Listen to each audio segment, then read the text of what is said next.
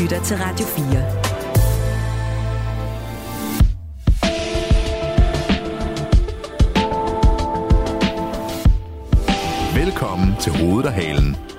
Din vært er Mette Vibe Utzon. Og dagens styk i nyhedsstrømmen tager i dagens udgave Hoved og Halen følgende historier med sig op i fiskenettet. Vi skal finde hoved og hale i, hvad man må sige og hvordan man må se ud, når man siger det, når man er politiker i Folketinget. Vi graver i den foruroligende historie om, hvor de sociale, nærmest, hvor de sociale medier nærmest har forgivet, at pro-russiske grupper vil forsøge at forvirre vælgerne med misinformation op til Europaparlamentsvalget til sommer. Og hvad for eksempel Meta har tænkt sig at gøre for at forsøge at forpure det. Og så skal vi også finde ud af, hvorfor Joachim B. Olsen og en masse andre danskere sammen med ham har meldt sig under fanerne hos hjemmeværnet og dermed fået en fritid i uniform, som det hedder i hjemmeværnet. Dagens gæstevært er ingen ringer end Simon Emil Amitsbøs Bille, og rigtig hjertelig velkommen, Simon Emil. Mange tak. Øh, tidligere folketingsmedlem, øh, radiovært lige nu på Radio 24 forfatter. Øh, er der andre ting, jeg skal tilføje? Det ved jeg snart ikke. øh, det er mest af min tid, det får jeg jo nu. Tidligere elite fodboldspiller, kan jeg sige, for dem, der kan huske FC Zulu. Ja, og djævleræs kører med Og- dagens vært. Det er du ret. Gud, det havde jeg glemt. Gud, der havde vi jo hinanden, du og jeg, Simon. Jeg, husker, jeg husker, at det var ret morsomt. Ja, det var det også, men jeg kan bare huske, du sagde til mig, kør hurtigere, kør hurtigere. Der var et eller andet, vi var ved at komme opskændt. Kan du godt huske det? Jeg tror faktisk, at vi gik ind i historien som de langsomst kørende nogensinde i Zulu. Og for dem, som ikke kan huske det program, det var faktisk ret sjovt. Og vi er også blevet gode venner igen. Men vi sad i samme, øh, samme øh, krøbet i en, i en racerbil. Sådan en, nej, hvad hedder sådan en bil, der som Stokkar. godt... Stokkar. Øh, over i Jylland et eller andet sted. Og så skulle vi konkurrere med nogle andre. Jeg har lykkeligt glemt, hvem det var. Og så skulle du og jeg køre sammen. Og du, jeg kan huske, du satte dig ind i bilen, så sagde du, jeg er faktisk, øh, udover at være politiker, jeg har to interesser. Det ene, det er politik, det andet, det er biler. Jeg er en glimrende bilist, sagde du. Og så sneglede du der rundt i hjørnerne med 30 km i timen, eller sådan et eller andet.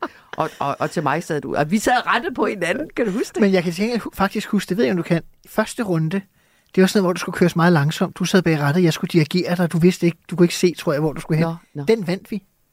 Og så, så skulle man ud og køre, og køre rigtigt, og der tabte vi. Ej, jeg har fuldstændig glemt det, Simon Mil. Hvor er det sjovt, du minder mig om det. Nå, men det er rigtigt. Øh, elite kører, elite fodboldspiller og elite alt muligt andet. Nu er du her i hovedet af halen. Vi beskæftiger os jo med døgnets øh, nyhedsstrøm, kan man sige. Vi tager nogle historier og finder hoved og hale i dem. Øh, hvor meget følger du med i den der nyhedsstrøm stadigvæk, selvom du ikke er i politik længere? Jamen, jeg følger meget med ved at påstå, at jeg kan jo ikke lade være, Nej. øh, fordi det ligger i blodet, tror jeg, hvis man følger med. Men jeg vil sige, at jeg har fået et mere naturligt forhold til min mobiltelefon, Nå, som... Øh, hvad vil det sige? Det ved jeg slet ikke, hvad er, den, tror jeg. den, den sad nærmest fast på min hånd, ja. øh, da jeg var politiker. Ja. Og øh, det har taget nogle år at få den løsnet fra hånden. Okay. Og det vil sige, nu kan jeg sagtens øh, hente børnene, komme hjem, lægge telefonen og bare øh, være sammen med familien i 3-4 timer, uden overhovedet at vide, hvad der foregår.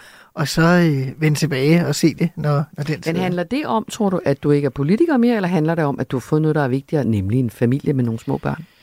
begge dele, fordi mm. jeg nåede jo også at have, have børn, eller i hvert fald barn, øh, mens jeg stadig var politiker.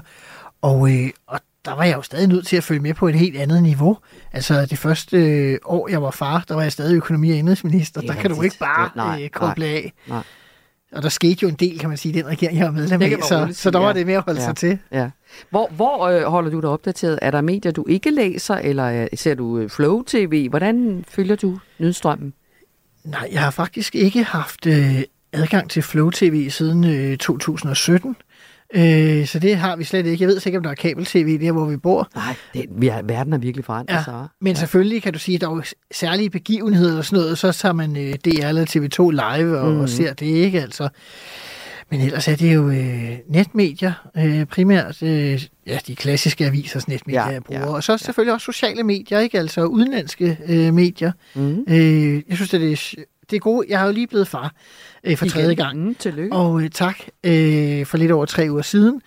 Og øh, så skal man jo op og give mælk og alt sådan noget om, øh, om natten. Og så når han er ved at falde i søvn, så kan det jo godt være at lige for eksempel i nat tænker, "Nå, hvordan er det egentlig, det går med de der primærvalg i USA og sådan noget. Ikke? Så kan man jo Du lige kan godt falde i søvn, når du så har været på... Øh... sagtens. Nå, Okay. Jeg har et øh, utroligt godt og naturligt sovhjerte. Så er der noget, du ikke følger? Altså, hvis du siger, du også følger amerikansk premiervalg, så, så er der... Men er der noget sport, eller er der noget Ej, jeg er jo eller? meget lidt sportsinteresseret, som øh, det også vil være nogle af lytterne bekendt.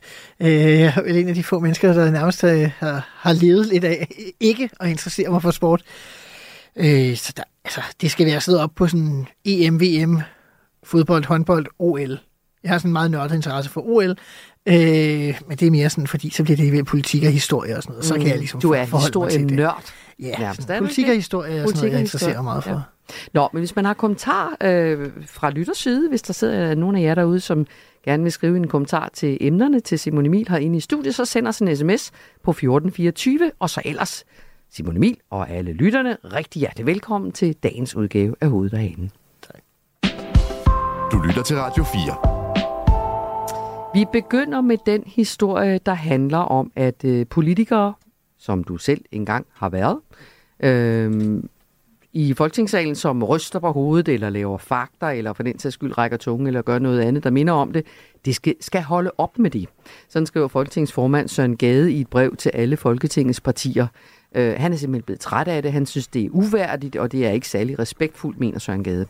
Og, og det han taler om, det er, at politikerne for eksempel laver fakta eller kommenterer, mens andre taler fra talerstolen. Og det er noget, som for eksempel selv statsministeren kan finde på at gøre. Her er et eksempel med ganske vist et par år på banen. Mener enhedslisten, at Rusland er en trussel mod Europa lige nu? Generelt er svaret nej. Ja, what? Det er Mette Frederiksen, der siger what, og smider sine briller fra sig i øh, forbløffelse over, hvad enhedslistens Søren Søndergaard svarer på det her spørgsmål.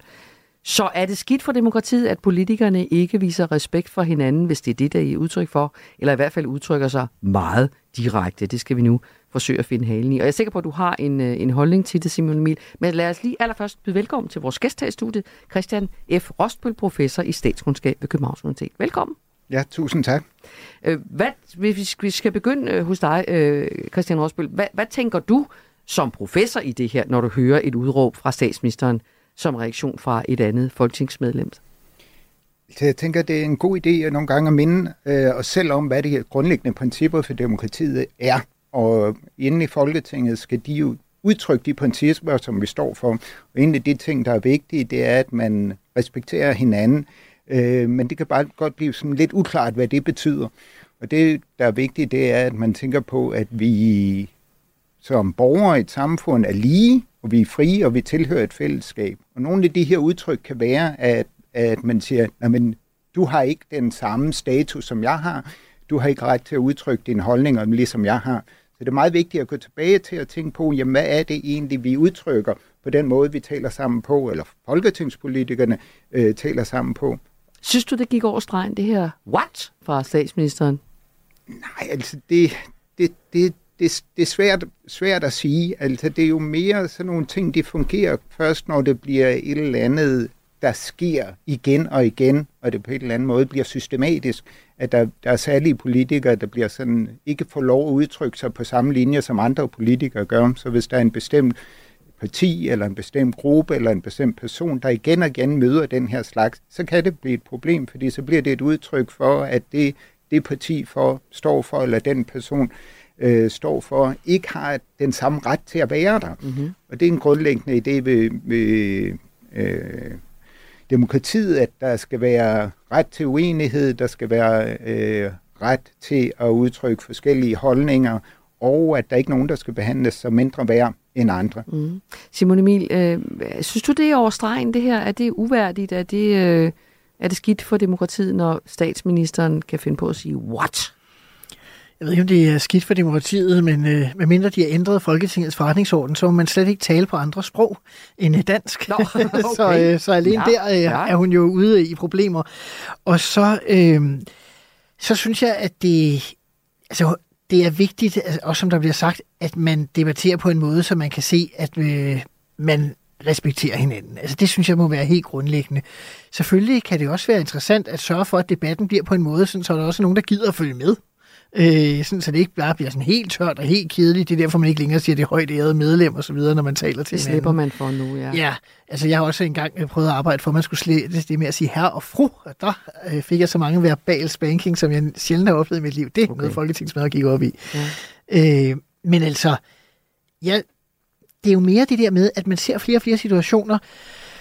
Altså, da jeg begyndte i Folketinget, jeg lyder meget gammel, ikke for 19 år siden, der sad statsministeren og lyttede til hele de store debatter. Sådan Anders få øh, meget, meget kunne man sige om ham, men det gjorde han. Mm-hmm. Nu synes jeg, der er en utrolig tendens til, øh, at man er for velvillig til at lade statsministeren gå på toilettet og have spisepauser og alt sådan noget. Der er pauser i det der, og hvis statsministeren går, så bør debatten afbrydes og vente til vedkommende er tilbage. Altså, jeg synes, der bør være noget mere stil over debatten, og man må have pauser, når der er pauser, og ellers øh, så må man være der. Mm-hmm.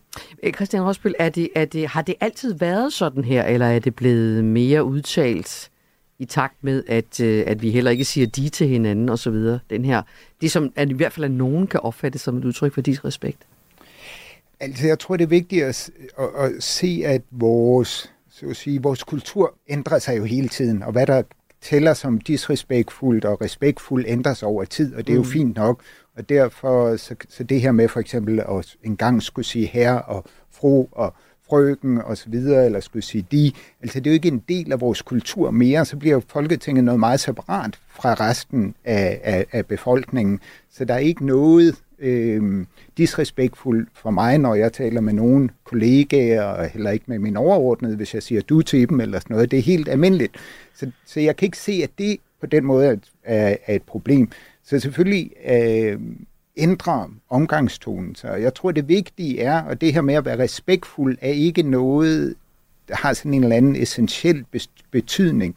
Det er noget, der ændrer sig. Altså, der, det er jo afhængigt af, hvordan vi fortolker og gør forskellige ting, om noget anses for respektfuldt eller ej. Men igen, jeg synes, det vigtige, det er det her spørgsmål om, at Folketinget repræsenterer os alle sammen, og vi skal kunne afspejle os i det, og når der er nogen, der siger noget på Folketinget, så gør de det på vegne af en række borgere.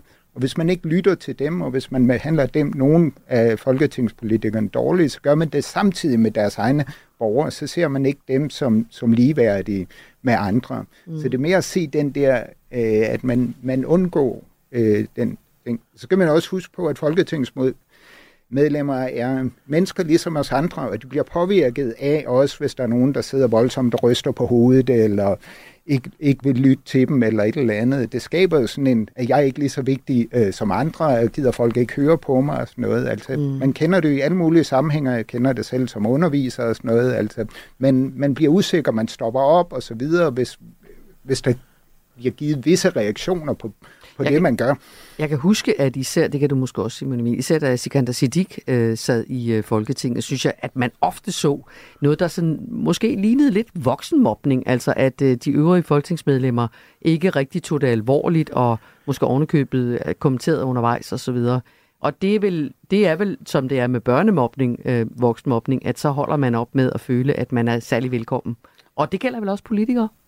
Jamen, det vil jeg, det vil jeg tro. Øhm, altså, jeg har jo ikke selv været, været i den situation. øhm, det er jo ikke kun det her med fakter. Øh, I sidste uge var der en debat i Folketinget, hvor blandt andre Dansk Folkeparti og Alternativet diskuterede asylansøgere i EU. Et emne, som jo typisk godt kan få sindene i kog. Øh, og et spørgsmål fra Dansk Folkepartis Mikkel Bjørn fik så Alternativets ordfører Helene Brydensholt til simpelthen at nægte at debattere på Dansk Folkepartis præmis sagde hun blandt andet. Efterkommere fra Somalia de har et indeks for voldsforbrydelse på 587 efter alderskorrektion. Er det ikke et kulturelt problem? Og jeg tror, jeg har sagt det her til Dansk Folkeparti før, men jeg, jeg, altså jeg, jeg, jeg magter faktisk ikke at gå med på de der præmisser, Dansk Folkeparti stiller op for deres spørgsmål. Så øh, jeg ved godt, det er måske lidt udemokratisk, men, men jeg gider faktisk ikke gå med på de der præmisser. Jamen, hvad er det for nogle præmisser, ordføreren taler om? Altså, anerkender ordføreren ikke virkeligheden? Altså, det er Danmarks Statistik, det her. Det er jo fordi Dansk Folkeparti misbruger tal og data, enkeltsager osv. til at male en eller anden virkelighed op, som ikke findes.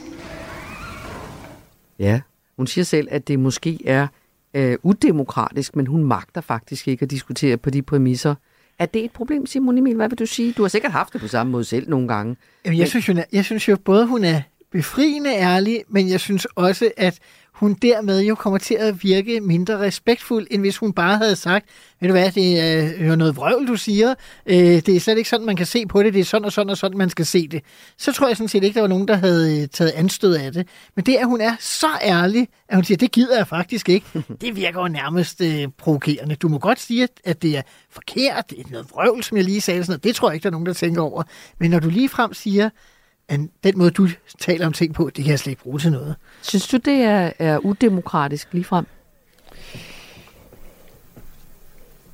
Altså, jeg vil sige, at i den her situation virker det u- u- øh, udemokratisk, fordi det er stopdialogen, mm. øh, grundlæggende set. Hun kommer jo så tilbage og faktisk begynder at sige noget, argumentere for det, og måske tager sig selv i det, så det ikke bare, hun holder helt mund. Øh, det er altså på den måde gør det. Men jeg vil sige, der er også, der er muligvis situationer, hvor at det vil være okay at ikke vil diskutere på visse præmisser. Og det vil jeg sige, det er fordi, at de diskussioner, man skal have, eller i hvert fald gøre opmærksom på, at der kan være nogle præmisser, som er så øh, fremmed for demokratiet selv, at det kan gøre, at man kan sige, at det her det går over stregen.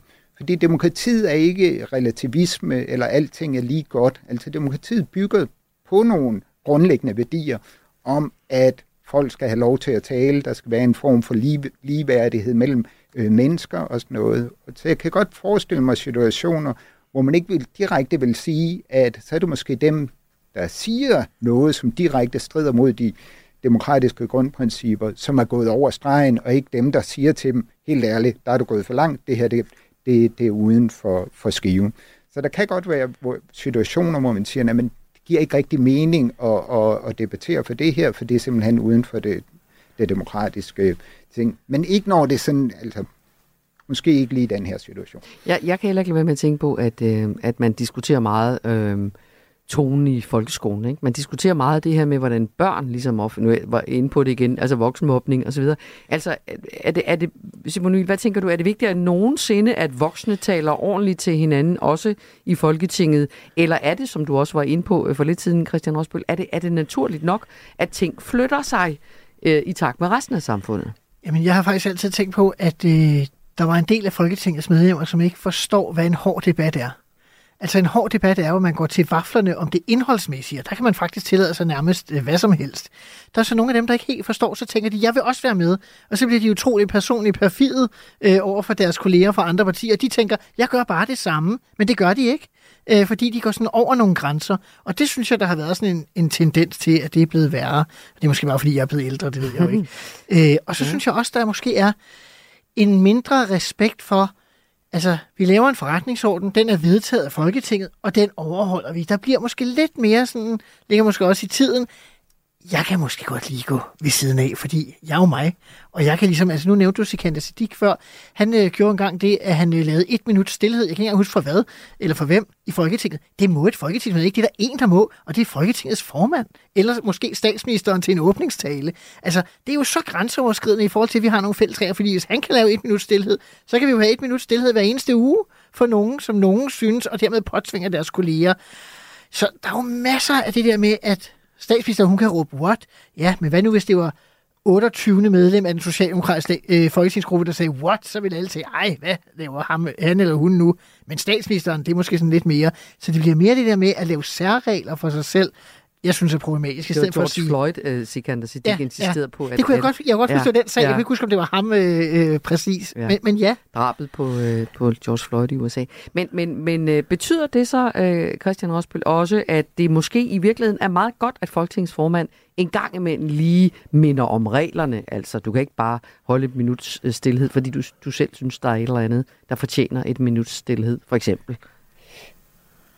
Ja, altså det kommer jo an på, hvilke regler det er, øh, han vil minde om, om det er nogle gode regler. Men grundlæggende set er regler jo til for, øh, gode regler at sikre, at alle folk får lige meget taletid, at, at ingen bliver afbrudt, når de taler. Alle bliver behandlet en, som Ja, det bliver, ja. alle bliver behandlet en, så det er det, det handler om. Jeg har det sådan lidt sværere med, med de der med, altså det bliver lidt uklart, når man taler om tonen og, og, og den respektfulde debat. Jeg vil egentlig hellere tilbage til at sige, at det er det der med at sikre, at, at der er, er plads til uenighed, og der er plads til øh, at man respekterer også hinanden, at man hører til øh, her, at man er en del af noget fælles. Øh, så der udover at der er en, en princip om ligeværd, så er der også et princip om, at man hører til, en, et princip om, om inklusion. Øh, men det kan folk jo så også selv i deres egen debatindlæg, ikke kun dem, der ryster på hovedet, når der bliver sagt noget, men også når der er nogle andre, der siger noget, som, mm. som måske går over stregen. Tak skal du have, fordi du kom, Christian Rosbøl. Ja, selv tak. Professor i statskundskab ved Københavns Universitet. Du lytter til Radio 4. Er, har det, synes du, øh, Simon Emil, øh, hvis vi lige skal lægge det ned her, du og jeg også, har, har, det, har det, nu har det været med i så mange år, har det ændret sig? Altså, øh... Jeg ved ikke, hvor meget det i virkeligheden har ændret sig. Jeg synes jo, der er en ting, der har ændret sig, som har gjort det værre, som vi jeg slet ikke var inde på, og det er, det er de her, det er telefonerne. telefonerne ikke? Mm.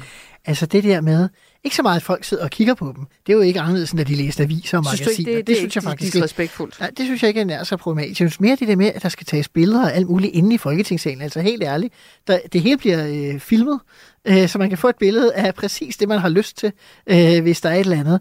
Men jeg synes, det bliver sådan lidt, altså der kan ikke ske noget uden, ej det her det er historisk, det skal jeg have på min egen. Det er lidt ligesom at være til koncert, hvor folk skal fotografere hvad som helst. Altså prøv dog at opleve verden i stedet Men det for. afspejler jo faktisk resten af samfundet ret godt, kan man sige, ikke? Ja, men Eller det bliver, skidt, det bliver bare et lidt mindre historisk øjeblik, ja. øh, når der står øh, 179 øh, fuldstændig selvoptaget øh, mennesker med en telefon og tager et billede. Mm. Måske ikke alle 179. Men øh, en stor del af en dem, stor- det er rigtigt, en- ja. en for stor del. Vi har jo googlet dig, Simon Emil Og Amitsbøl. så har I fundet et billede, hvor jeg gør det samme.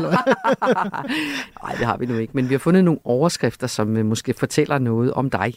Øh, den ene her er ikke så gammel. Den lyder Simon Emil Amitsbøl Bille forlader politik. Ja. Den er ikke så gammel. Nej. Den er fra august 2021. Altså, er det, kan det være, øh, kan, du, kan du savne at gå ind i den folketingssal og stå og, og øh, brillere på talerstolen og få folk til at grine, hvad du også tit har gjort, ikke? Jo, altså til hverdag er det ikke sådan, jeg savner at være på Christiansborg. Altså jeg var med med Folketinget hvad, i 17 år, øh, så det, jeg synes, jeg har aftjent min værnepligt, hvis man kan kalde det det. Men der kan godt være sådan nogle sager, hvor pludselig, hvis den er oppe, og jeg synes, der mangler nogen, der kommer med et bestemt argument, så kan ja. jeg blive sådan helt, "Men så sig dog det for post, så får man jo lyst til at hoppe derind og, og sige det. Ja. Øh, Hvad, er det, hvad, er det, hvad kan det være for sager? det, jamen, det kan jo være, det kan være stort som småt i virkeligheden. Øh, jeg går meget op i sådan noget med det, jeg kalder Vesten vakler i øjeblikket. Mm. Altså, at det Under hele- overskriften Vesten vakler? Ja, sådan Ja. hele vores øh, verdensbillede i virkeligheden øh, er blevet mere skrøbeligt, og hvad er det for en fremtid, vi har? Det skal vi jo også snakke om i dag. Øh, Og så også sådan noget generelt, jo, som jo nok har præget mig meget øh, gennem alle årene, det her med, hvis der er nogle øh, enkelte personer, der bliver udsat for nogle øh, overgreb eller uretfærdigheder, så kan jeg næsten ikke øh, være i mig selv, og så føler jeg, at jeg skal springe ind og, og være med, øh, og det skal jeg selvfølgelig ikke. Mm. Men øh, jeg vil sige, til hverdag, der glæder jeg mig over, at det ikke er mig, der sidder og flytter kom her i et eller andet ministerium i en aftaletekst, som stort set bliver, som den var ved udgangspunktet. Er det rigtigt? Ja, det må jeg sige. For altså, det er jo ellers en af de mest magtfulde positioner, ja, man kan få i dansk politik. Jo, altså, så, jo, så skulle jeg være minister, ikke? Jo. Jeg mener, nu mener jeg Nå, som folketingsmedlem at sidde og ja. skulle over og skubbe kommaer. Det, det har jeg ikke øh, nogen øh, store øh, minder om. Jeg vil sige, det at komme i regering, det gjorde jeg jo, kan man sige, sent i, i, i min tid derinde. Altså, det bliver jo simpelthen så tydeligt, øh, hvor lidt Folketinget egentlig flytter i forhold til regeringen. Det bliver meget synligt.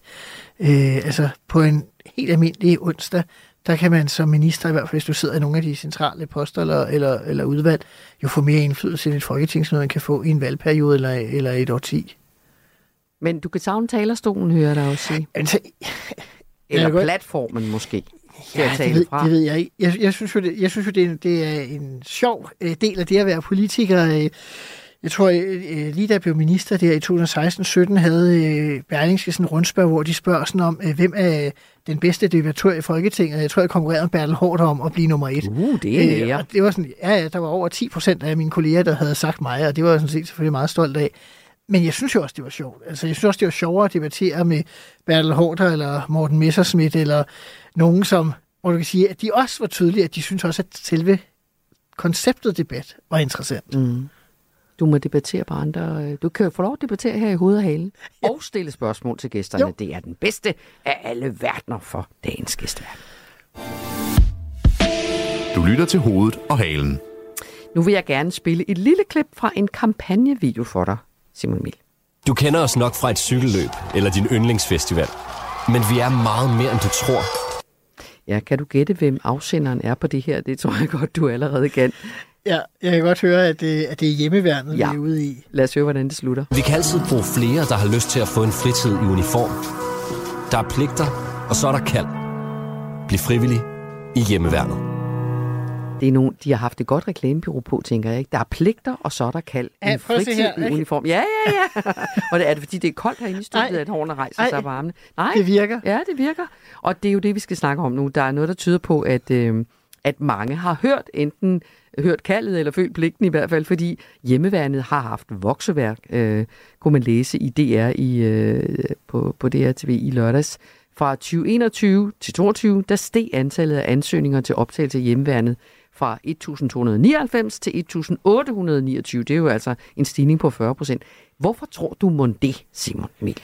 Det tænker jeg egentlig ikke, der kan være så mange forklaringer på. Jeg tænker, det er Ruslands angrebskrig på Ukraine, der mm. er svaret. Mm. Fordi øh, på en eller anden måde, så er det blevet aktualiseret, at krig kan risikere at komme også her.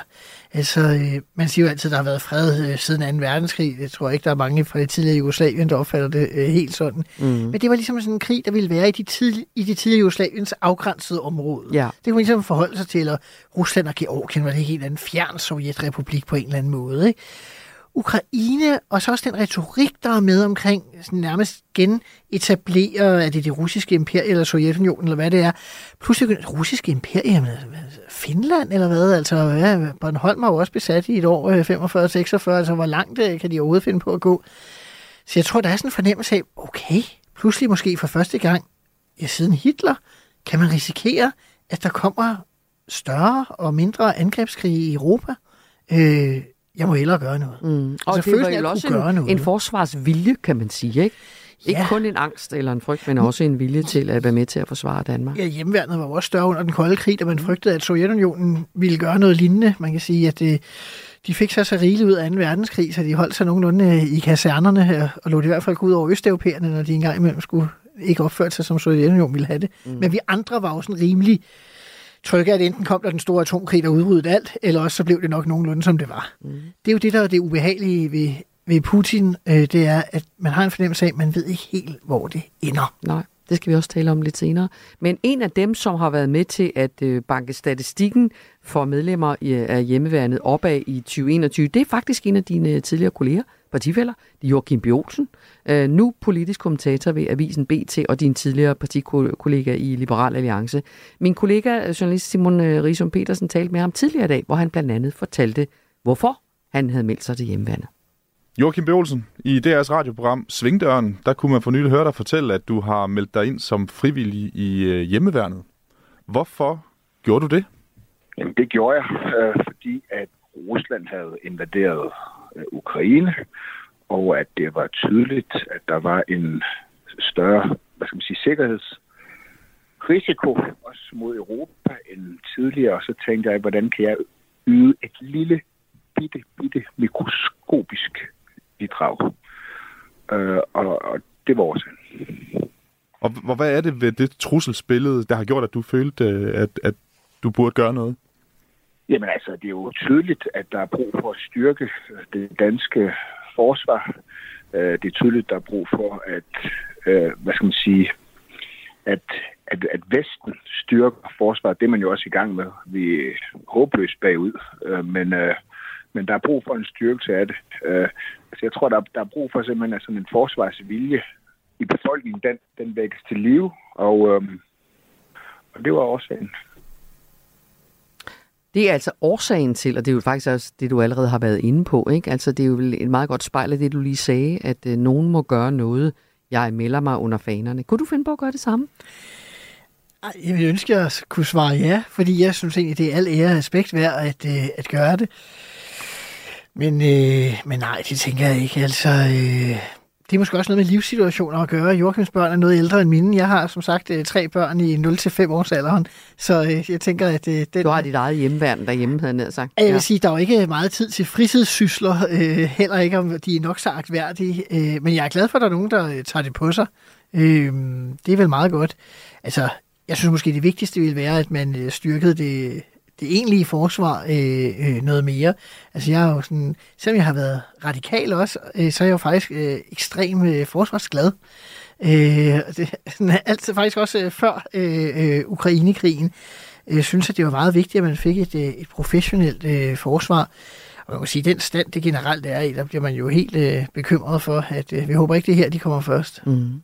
Lad os høre lidt mere af, øh, hvad, det, hvad det så er, øh, Joachim B. Olsen øh, er en del af. Jeg vil gerne lige understrege, at øh, det, det er jo vidderligt et meget, meget lille bidrag, øh, som jeg yder. Det, jeg er også lidt tilbageholdende ved at overhovedet tale om det, fordi at ja, ja, der er så ufattelig mange mennesker, der yder et, et meget, meget større bidrag, end jeg gør. Det var bare det lille bitte bidrag, jeg kunne yde. Hvad er det så for en rolle, som du gerne vil udfylde? Hvad er, hvad er det lille bidrag, du gerne vil give? Ja, det er jo, at, øh, at man bruger noget af sin tid, meget lidt af sin tid i virkeligheden. Eller jeg gør i hvert fald på ligesom at lære at indgå i, i, i, øh, i, i hjemmeværende, indgå i en deling. Hjemmeværende er en del af det danske forsvar, og det er jo, hjemmeværende laver jo sådan fortrinsvis øh, bevogtningsopgaver osv. Og, og hvis der er nogen, der gør det, så kan man sige, så kan de professionelle soldater jo bruge, bruge deres tid på nogle, nogle andre ting. Så det er jo det er jo det lille bidrag, som man ligesom øh, yder. Så det er jo en del af det samlede øh, forsvar af Danmark, der indgår i hjemmeværende. I at melder man sig ind i det, så bidrager man jo lidt til at, at, at styrke det danske forsvar. Det er jo noget, jeg vil opfordre andre til at gøre. Øh, jeg synes, det har været en god oplevelse. Jeg har ikke tid nok til at gøre så meget ud af det, som jeg egentlig godt kunne tænke mig. Men, men man, man kan faktisk få lov til at bidrage med den tid, man nu har, og man møder andre mennesker med en helt anden baggrund end ens selv. Og det er egentlig, det er egentlig meget øh, sundt, synes jeg. Hvad, hvad har du så lært af, af færdigheder, eller har du lært nogle færdigheder, som du mener kan bruges i en, i en situation, hvor Danmark skal for eksempel forsvare sig selv mod udefra kommende trusler? Jamen, i sådan en situation, så er der jo altså, så, så er der jo mange opgaver. Man lærer at indgå i en deling af færdigheder. Det kan være, det kan være alt fra at visitere hvis der er et øh, checkpoint, øh, undersøge biler for våben og bomber.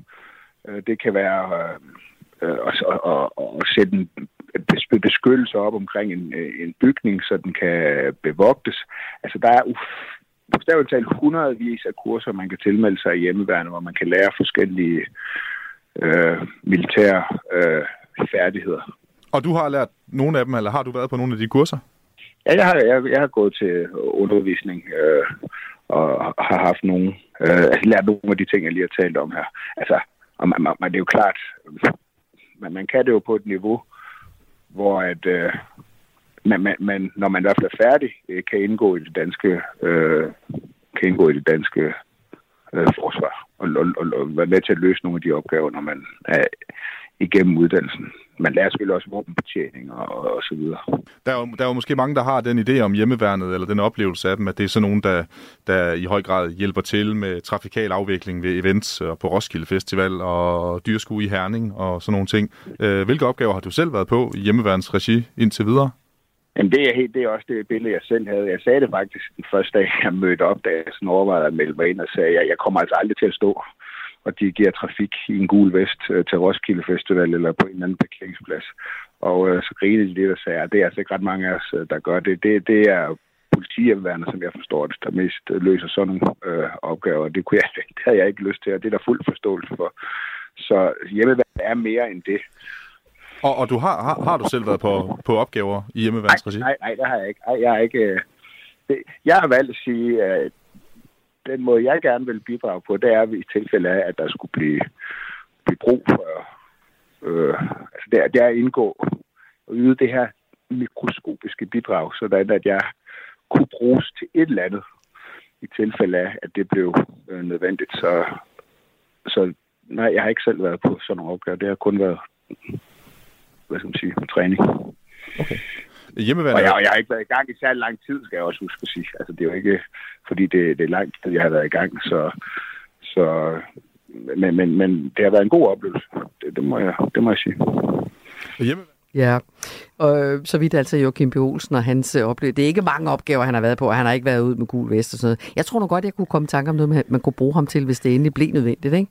Altså en mørk nat, vil du løbe ind i Joachim B. Olsen, den gamle super elite øh, kuglestøder. Ellers mange tak. Og jeg vil sige, at der var en gang, hvor at, øh, der var store demonstrationer foran Christiansborg. Øh, no- nogen, der ville have højere løn, tror jeg.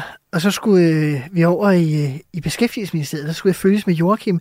Og det er i tvivl om, om det blev mere utrygt, fordi han var der, fordi han var så provokerende, og de alle sammen ikke kunne lide ham, eller det var mere trygt, at han var der, sådan, så der Fordi ikke han er skete mig stor, noget. ja. Lad os byde velkommen til dig, Anders Bæk. Er du mere? Ja, der var du chef for rekru- rekruttering og analyse ved Hjemmeværnskommandoen. Du har lige lyttet med her på øh, et af de nyere medlemmer, eller hvad kalder man det, medlemmer i grunden øh, af Hjemmeværnet? Er det det, man er? Man er medlem af hjemmeværnet, jeg er som. Ja, øh, der er jo sket den her stigning, som jo, øh, som I jo formentlig er super glade for, på omkring 40 procent. Hvad, hvor, hvad mener du, øh, forklaringen er på, at flere ligesom Joachim B. Olsen har meldt sig? Jamen, der er selvfølgelig flere forklaringer, men, men der er ingen tvivl om, at Ukrainekrigen øh, spiller en meget stor øh, rolle i, øh, i det samlede øh, forklaringsbillede. Øh, den, har, den har jo i hvert fald tydeligt gjort, at øh, vi har en usikker øh, sikkerhedssituation, og det giver jo anledning til, at den enkelte borger øh, rundt omkring i landet øh, helt naturligt gør sig nogle overvejelser omkring, om det er noget, at man øh, kan øh, og vil bidrage til på en eller anden måde. Mm-hmm. Vi skal lige beklage, det er en ret dårlig forbindelse, vi har med, øh, på din telefon øh, til dig, Anders Bæk, men det beklager jeg lige nu hermed. Øh, lad os se, om den måske øh, udvikler sig i den rigtige retning.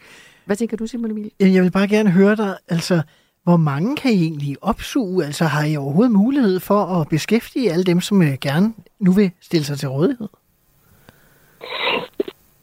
Ja, det var et godt spørgsmål. Øh, det, øh, tror vi, det tror vi i hvert fald ikke vil være noget problem. Det er klart, at hvis der kommer sådan en tsunami øh, af frivillige, nye frivillige lige pludselig, så vil vi jo som en hver anden organisation blive udfordret på, på at modtage så mange nye på én gang. Øh, men hvis det foregår i det tempo, som øh, stigningen ser ud til at ske øh, lige i øjeblikket, øh, så er der ingen, ingen problemer i, øh, i det. Og skulle der komme den her tsunami, så vil vi jo selvfølgelig gøre alt, hvad vi kan for at, at tage godt imod de nye medlemmer. Men har I egentlig sådan en, en målsætning for at udvide jeres medlemsbase i de kommende år i forhold til det, der sker i Europa i øjeblikket? Altså er det noget, I sådan helt bevidst arbejder for og har nogle måltal de kommende år, sådan så at I er klar den dag, russerne måtte komme? Altså, vi, øh, vi, vi arbejder med en ambition om, at vi skal blive flere. Øh, og så afventer vi jo selvfølgelig den kommende delpakke omkring øh, hjemmeværnet, som forhåbentlig øh, kom i løbet af anden halvår 2024, og, og må ikke, at det kunne indeholde en eller anden form for øh, kvantitative øh, målsætninger, øh, som vi selvfølgelig så kommer til at, at skal arbejde os hen imod. Tusind tak skal du have, fordi du var med, Anders Bæk fra Hjemmeværnskommandoen. Det var så let. Selv tak.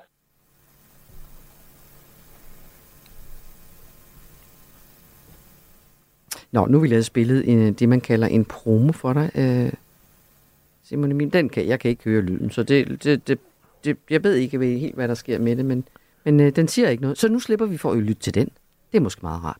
øh, vi kom sådan lidt halten ud. Det var en skidt lyd, øh, ja. der var, men det var nogle gode spørgsmål, du nåede at stille alligevel om det her med hjemmeværende. Men det er udelukket, at vi ser Simon Emil øh, dirigere trafik øh, ved Roskilde Festivalen til sommer. Ja, det tænker med jeg. tre små børn. Jeg har, fa- jeg har øh, faktisk aldrig, jeg har aldrig været til en Roskilde Festival. Nej. Og det, det tænker jeg at holde fast Men det vil være typisk dig, så at melde dig i et eller andet, hvor man tænker, hvad laver han nu der pludselig? Og begynder at dirigere trafik. Ja. Ja, jeg havde ellers overvejet, om jeg skulle se Joachim til sommer. Hvad hedder det? Folkemødet til Ja. sommer. Nå, øh, vi har jo øh, vi har også nogle spørgsmål til dig, Simon Emil. Fordi selvom du har været en del af dansk politik, og de fleste ved, hvem du er, så kan vi vel godt lige tænke os at stille dig nogle korte spørgsmål her. Bor du for eksempel stadigvæk i den by, du voksede op i? Nej. Altså, jeg er vokset op i Farum. Ja. Øh, jo, i Brikstofte storhedstid, kan man sige. Øh, og så på et tidspunkt, så flyttede jeg hjemmefra, så flyttede jeg til København. Og, øh, og der har jeg så boet over halvdelen af mit liv nu. Mm-hmm. Og du skal ikke nogen andre steder hen med tre små børn ud af byen og alt sådan noget. Tilbage til Farum, det er en ret populær børnefamilie, kommuner har indtryk af. Ja, og det synes jeg er fint for dem, der øh, har lyst til at flytte til Farum. Øh, men øh, vi øh, er egentlig ret glade for at bo i, i København. Altså min kone er fra Frederiksberg oprindeligt, og plejer at drille hende lidt med at sige, at det, det længste, hun har været væk fra Rådhuspladsen, det var fire måneder i Brøndshøj. så, så det tænker jeg, at vi, vi, bliver her øh, inde i byen. Du har, jeg har indtryk af, at du har venner, øh, i hvert fald bekendte fra rigtig mange af de her fors- meget forskellige perioder af dit liv. Men hvem ringer du til, når du har brug for et godt råd? Det kommer an på, hvad det gode råd skal, skal være, men jeg vil sige, at øh, jeg vil nok øh, ringe til min gode ven Jonathan, som jeg oprindeligt kendte fra Radikal Ungdom, og han endte med at være min særlige rådgiver i øh, ministeriet, der var økonomi- og indrigsminister. Mm-hmm. Og i dag øh, arbejder han for bilimportøren, så det er jo noget helt Okay, andet. så han men, også øh, et andet sted hen. Og hvad, hvad kunne du spørge ham om? Jamen, vi taler sådan set om, om det meste, både hvis det er privat og hvis det er, er professionelt. Mm. Så, ja. En god kammerat. Ja. Hvornår har du sidst fået en ny ven? Hvornår har jeg sidst fået en ny ven? En ven er jo så stor en ting, Ja. ja. ikke altså? Fordi jeg synes jo, man... Øh, det tænker jeg måske, jeg fik i, øh, i den sidste periode der, øh, næst sidste periode, jeg var i Folketinget, altså der fra 15 til 19, øh, vores nuværende øh, forskningsminister, Christina Elund. Mm. Øh, tænker jeg, ja, det tror jeg er sidste gang, jeg har fået en god ven. Og, og, og hun er ligesom, I, I holder kontakten, selvom du er ude af politik? Jo, jo, altså i det omfang, det kan lade sig gøre med en, som er minister. Det er Ja. jo op og ned, øh, men jo, ja, det gør vi. Er der andre af dine gamle partifælder, eller i det hele taget politiske kolleger, du ser? Altså ikke på det øh, niveau, altså der er nogen, jeg skriver med og taler med og så videre, men øh, jeg tror, at øh, Claus Hjort Frederiksen, han sagde noget meget klogt øh, for ikke så lang tid siden, og det er, at øh, man skal jo huske, at øh, mange af dem, der er venner i politik, de er i bedste fald bekendte, når man forlader det, mm. og dem, der var bekendte, de ved måske slet ikke, hvem du er længere. Nej, okay. Det er måske en overdrivelse, fordi det, der jo stadig er det sjove, det er, at de fleste, lige så snart man møder dem, eller snakker med dem, eller skal lave noget med dem, eller bla, bla, bla, så klikker det med det samme, og man fortsætter nærmest som det var i går. Men meget hænger også sammen med den professionelle arbejde. Så, da jeg var i politik, jeg plejer at sige, jeg arbejder jo 70-100 timer om ugen, og folk de siger, at det er løgn. Nej, det er ikke løgn. Mm. Det er måske også derfor, at jeg fik en række ildebefinder i løbet af årene og så videre, fordi det var en meget usund måde at arbejde på. Øh, nu har jeg en ambition om slet ikke at komme op i, i de timetal. Øh, men det vil sige, at man er jo sammen på en meget intensiv måde, og især kan du sige, da vi genrejste Liberal Alliance fra ingenting, så var vi jo været tre folketingsmedlemmer og måske fem-syv ansatte, og vi var jo bare på Christiansborg, og vi boede der, og vi gjorde alt. Altså, vi, nogen, Joachim B. var jo kendt for at sove der i perioder, og så videre. Så der var det jo nærmest som ens egen familie. Det, der så er det hårde, det er, når øh, partiet så fik en kæmpe nedtur der ved Folketingsvalget i 19, så hvis man har bildet sig selv ind, at det professionelle, det var en familie, så ofte er man, at det professionelle jo til en vis grad jo kun er professionelt. Mm. Og øh, enhver skal jo redde stumperne af sit eget, øh, når det falder fra hinanden. Og, øh, og det har folk jo så gjort på bedste beskub. Men jeg synes, det er rart, at øh, på trods af, at jeg øh, for eksempel forlod Liberal Alliance på det tidspunkt, øh, også har skrevet en bog om øh, min oplevelse videre, så har jeg jævnligt øh, Ole Birk Olesen øh, som øh, gæst i mine egne radioprogrammer. Ja. Øh, og han var da gruppeformand, da jeg forlod partiet, øh, og vi, vi talte rimelig direkte i en periode der. Men altså, øh, der må man jo være, øh, være professionel, og, og floden løber jo også, og, Ja, ja. og bredderne ændrer sig. Ja. Og det synes jeg i virkeligheden er det sjove, det er jo, at de fleste af dem, som jeg også har haft store konflikter med i politik, dem har jeg det sådan set øh, stille og roligt øh, med i dag. Ja. Øh, det er jo også ret Så interessant. tiden lærer sår, eller hvad? Eller hvad Ja, det, mange af dem gør de ikke, altså. Ja. Ja. Men det er klart, at, det der med at forlade partier kan jo selvfølgelig give noget. Altså, da jeg forlod de radikale, det er jo sådan nogle pæne mennesker, så der havde jeg et godt forhold til de fleste. Nogle forlod selvfølgelig også partiet, måske lidt flere med mig på det mm. tidspunkt, også mine egne RU-venner. Øh, så der var de fleste relationer sådan set nærmest identiske. Da jeg forlod Liberale Alliance, var de meget vrede. Måske var det også tættere på at slå dem ihjel på det tidspunkt. Det glemmer man jo nu. Ja. Øh, og derfor var de måske naturligt mere vrede. Øh, men nu går det jo godt, og jeg plejer at sige, at det er et parti, man har forladt, når det går godt igen, så er de som regel i godt humør, så går det nok. Det lyder ikke, som om det stikker så dybt, hverken venskaber eller fjendskaber. Ah, Det ved jeg ikke. Jeg synes, nogle venskaber, de, de holder ved, ikke? Øh, og andre, de, øh, de ja, går op og ned, øh, som det er. Altså, jeg har altid haft det, da jeg var i politik, at det var vigtigt at have en form for venskab med nogen i ledelsen af alle de andre partier. Fordi hvis du kunne gå til hovedet, øh, i stedet for til, jeg undskyld udtrykket, bagdelen mm. af, et, øh, af et andet parti, så var det måske nemmere, når der opstod nogle, øh, nogle mislyde, som ikke nødvendigvis behøvede at udvikle sig til en konflikt, fordi der egentlig ikke var noget egentligt i det. Mm. Øh, og, og det har jeg prøvet at dyrke af at have gode relationer til nummer et, to eller i værste fald nummer tre i et hvilket som helst parti, sådan så man hele tiden havde mulighed for det. Men det var jo også arbejdsmæssige årsager, så ja, man behøver ja. ikke at, det, politik er også den grund. personlige relationer i hvert fald, Det det. at man kan tale sammen. Mm. Du lytter til hovedet af halen på Radio 4. Nå, nu skal vi videre i, øh, i vores fiskenet, øh, Simon Emil. Øh, det her med at samle nogle nyheder op fra døgnet, og så kigge lidt nærmere, finde lidt hoved og lidt hale. Og det næste her handler om, at vi jo til juni skal stemme til Europaparlamentsvalget. Det har du aldrig rigtig været i Europaparlamentet, Simon Emil. Nej, jeg, jeg har faktisk stillet op en gang. Og har du det? I 2004, men det var kun for at finde ud af, om sådan nogle kampagneting virkede lokalt. Og dengang lavede jeg, ja, så kunne man ligesom prøve at sige, hvis jeg nu laver noget nogle særlige steder, kan jeg så se på valgresultaterne, at der kommer okay. flere stemmer i de områder, og det kunne man. Aha. Øh, så jeg kunne ligesom afprøve nogle forskellige ting, og så brugte jeg så til valget året efter, hvor Ja, jeg kom i Folketinget. hvor du kom i Folketinget. Og der lavede jeg faktisk en fælles kampagne med Dansk Folkeparti's nuværende leder, Morten Messersmith, du det? som, øh, som handlede om, at vi var uenige om alt. Kunne ved, om I stadigvæk ville være det. Det ved jeg ikke. Ja, jeg tror, øh, især når det kommer til, til europapolitik og så videre, men altså, de, de støtter vel de fleste dage øh, indsatsen i Ukraine, selvom de engang imellem kommer sådan nogle kvæk om, at uh, der skal også være råd til de ældre og Mm. bla bla bla, men mm. så tænker jeg, at de tør ikke andet. Men der er jo valg til, øh, til juni, altså nogle dage hen over juni øh, finder det faktisk sted. Og øh, hvem der ender med at blive valgt ind, er ikke kun interessant for danskerne i alle de andre EU-borgere, som kan stemme. Det er faktisk også interessant for Rusland, som har en interesse i, at EU har så venligstemt en holdning til Rusland som muligt. Eller du kan sige så kritisk en holdning til Ukraine som muligt, kunne man også sige. Ikke? Og man kan jo påvirke vælgernes holdning på flere måder, hvis man er Rusland. For eksempel ved at plante misinformation øh, op til valget på de store sociale medier. Og det er Meta, selskabet bag Facebook og Instagram, udmærket godt klar over. Og derfor vil man forsøge at komme misinformation til livs, har de nu meldt ud øh, under det her kommende Europaparlamentsvalg. Meta siger, at man har forberedt sig i lang tid på valget, og det har man sandsynligvis også gjort i Rusland, hvor meget af misinformationen typisk kommer fra. Nu kan vi sige velkommen til vores næste gæst, Søren Liborius. Velkommen Jamen, tak for det ekspert i russisk misinformation, øh, og du er sådan formel chefkonsulent i EU Strategisk Kommunikationsenhed. Øh, og så ja. har du også arbejdet øh, for EU's delegation i Rusland. Hvor, hvorfor, eller hvordan, eller hvor, kan man også sige, alle HV-spørgsmålene på en gang, Søren Liborius, er det vigtigt for Rusland, hvem der bliver valgt ind i Europaparlamentet? Det er det, fordi man øh, gerne vil øh, påvirke den måde, som de europæiske institutioner bliver formet på, og den måde, som også senere øh, den europæiske, altså Europakommissionen og hele magtbalancen bliver kalibreret på. Så man har øjnene rettet øh, på Europaparlamentsvalget. Man siger ikke så meget om det, men man interesserer sig rigtig meget for det. Og hvordan kan man så manipulere?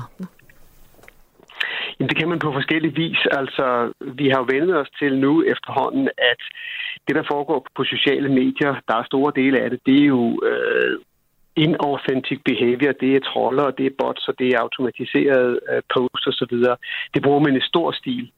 Og øh, så timer man jo selvfølgelig også op med øh, alle hånde kræfter i de europæiske lande, der kan skabe splid og, øh, og mistillid til, til autoriteter. Og dem kan man jo hjælpe med, øh, med IT-støtte. Man taler jo meget om, at der er den her misinformation. Hvor meget ved man egentlig, hvor stort held de har haft med det?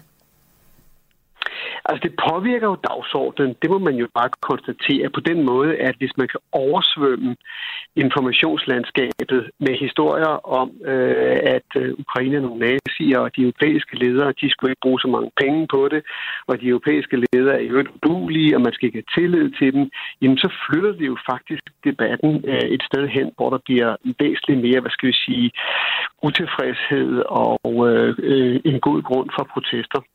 Kan man se, hvilke partier, der typisk vil øh, få fordel af den her misinformation fra Rusland?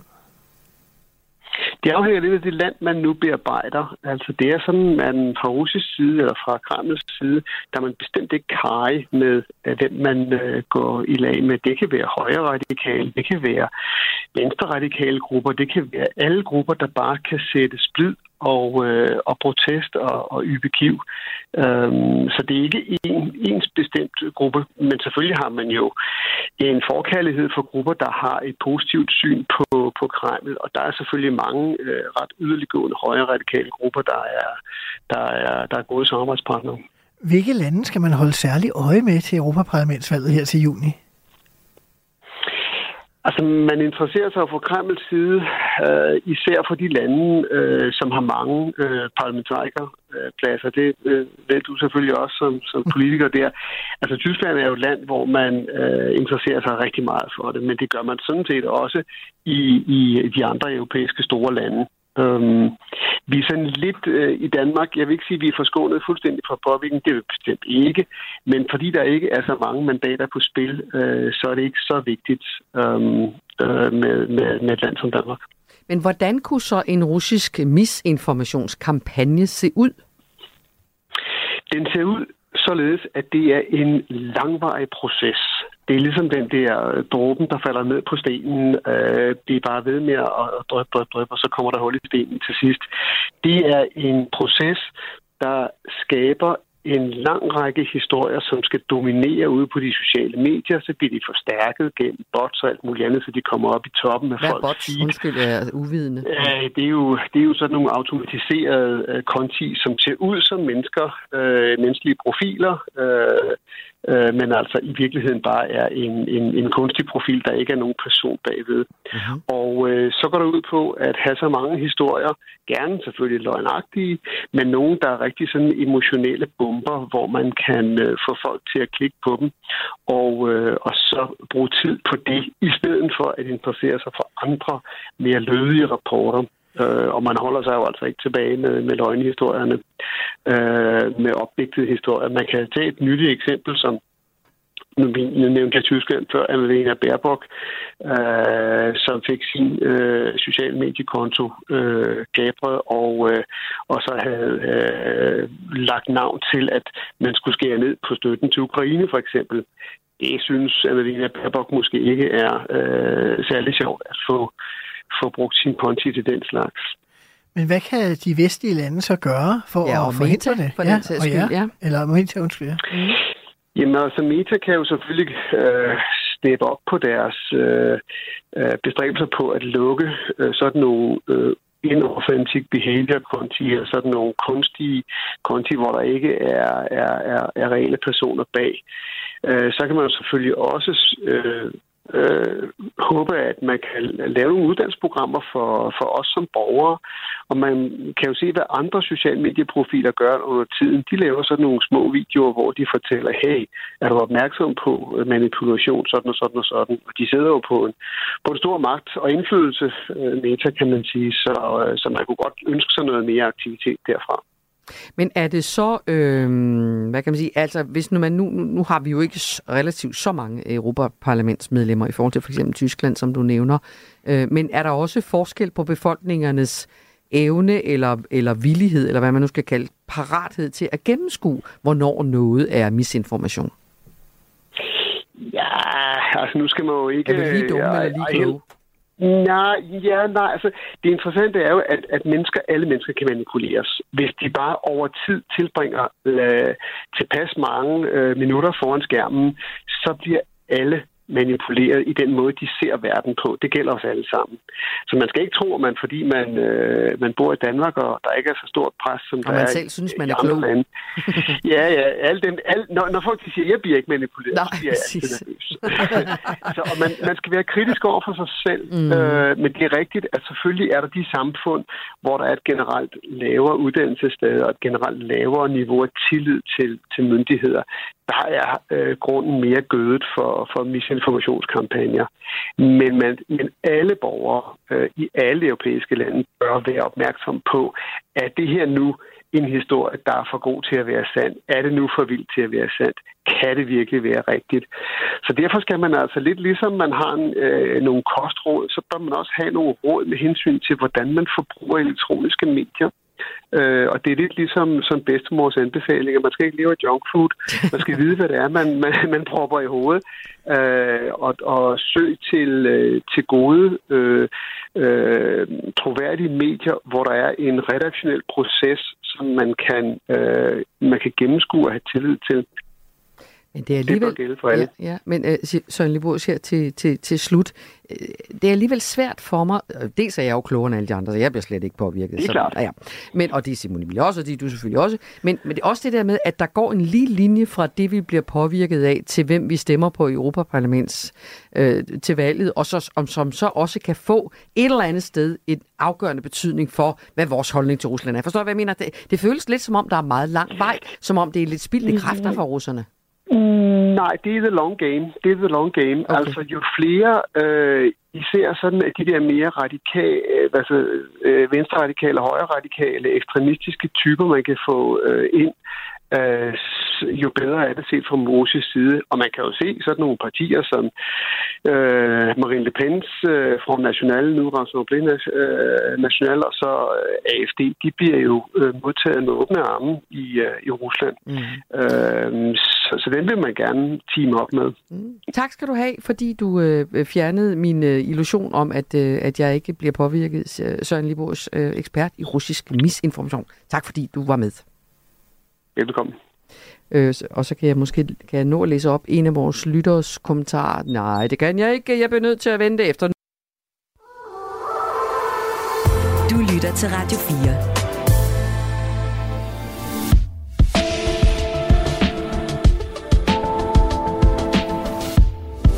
Velkommen til Hovedet og Halen. Din vært er Mette Vibe Utzon. Ja, og velkommen til min meget, meget, meget øh, gode øh, og, og hyggelige og, og kvikke gæstevært, Simon Emil Amitsbøs Billy. Jeg kan aldrig vende mig til, at du har så mange navne nu, Simon Emil. Og hvis jeg kan, så kan du Ja, også. Men øh, jeg lavede jo en vaskeægte cliffhanger her øh, lige inden øh, nyhederne, ikke? Er du ikke enormt spændt Jo, på det? Jo. må vi høre. Altså, jeg troede, jeg kunne nå at læse en kommentar fra lytterne, lytter, en lytter op. Det kunne jeg ikke, så den kommer den her. Vi talte om desinformation. Super interessant faktisk, ikke? Hvordan vi alle sammen bliver påvirket op til øh, Europaparlamentsvalget, selvom vi tror, vi er sådan nogen, der i hvert fald godt kan gennemskue det. Og så var der bare en af vores faste lyttere, Claus, som skrev en kommentar. Hvis I gerne vil have eksempler på, hvordan desinformation ser ud, så bare klik på Twitter i kommentarerne hos de folk, der har kommenteret situationen i Ukrainekrigen. Og det synes jeg bare var en kommentar, der virkelig passede. Ja. Tak for den, Claus. Øh, hvis man har kommentarer til det, vi taler om, så 1424, hurtig sms. Allerhelst, mens vi stadigvæk taler om det, for det er svært at vende tilbage til emner, øh, selvom det jo faktisk er det, jeg lige præcis har gjort. Men øh, i den her time af Hovedet og Hanen, øh, Simon der skal vi øh, tale om den her traditionsrige Copenhagen Pride-parade.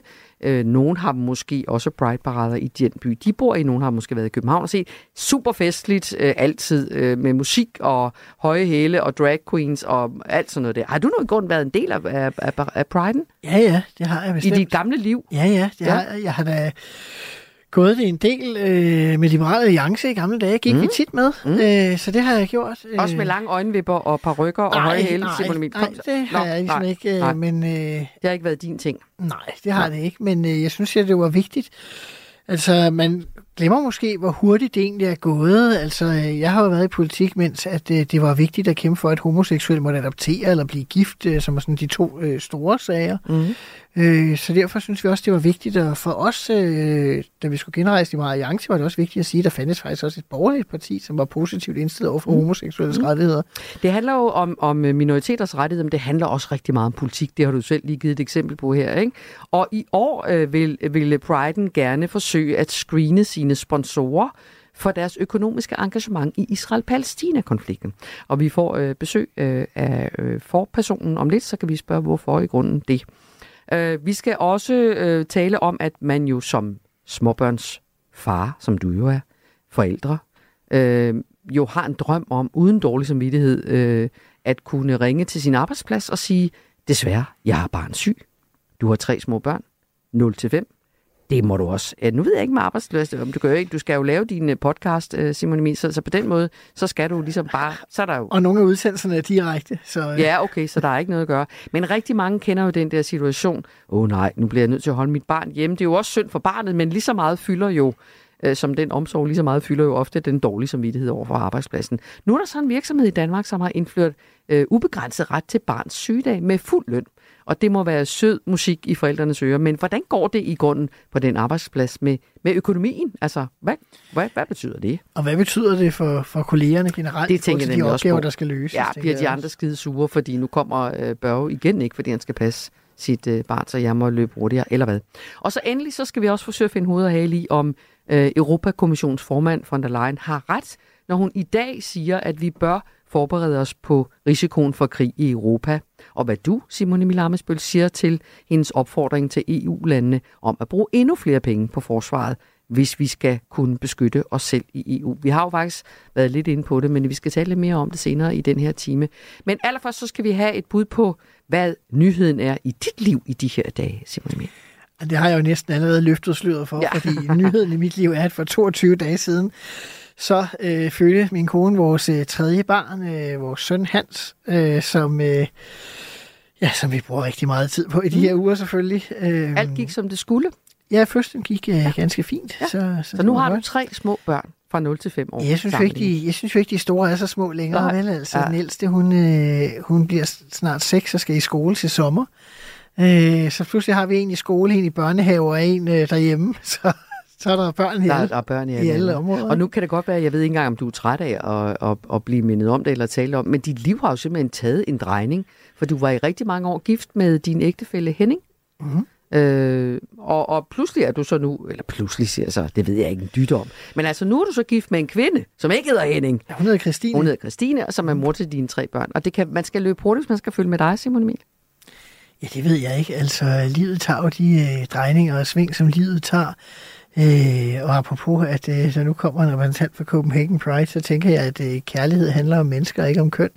Øh, så det er jo sådan set øh, det afgørende. Bliver du tit spurgt om det, eller er det bare mig, der står i uh, Nej, no. øh, det, det synes jeg da så alligevel, jeg er blevet spurgt om en del gange mere, kan man sige, lige mm. da det skete. Og, altså, vi var da også meget bekymrede, da vi skulle sige til alverden, at vi var blevet kærester, kan jeg huske, og øh, vores daværende pressechef i Liberale Alliance, Line Ernlund, var, en, var guld værd, fordi hun øh, hjalp os, sådan, så vi solgte historien til BT. Og det okay. var fordi, at det skulle ligesom være et sted, og en journalist, vi stolede på, og så videre, der fortalte historien. Og det var så stor en nyhed, så forsiden og alle siderne af avisen var klausuleret ind til klokken 2-3 stykker om natten. Hvis du gik ind på pdf'en, kunne du ikke se siderne, så var de hvide. Okay. Hele forsiden af BT var hvid. Mm. Øh, fordi det åbenbart var så spektakulært.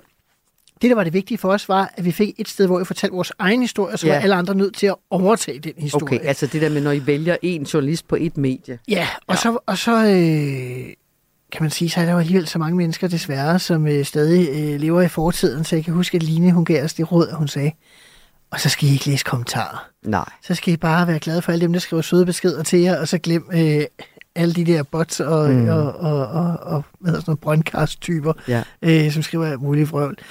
Øh... Men var du, du, du var nervøs for det? Altså det der med, når man, når man, når man på den måde får en pressechefs hjælp, og det lyder som en god hjælp, til at forsøge at styre historien om ens privatliv, så er det jo fordi, du godt ved, hvad der er på spil, ikke? Og du vil også gerne vil passe på din kæreste.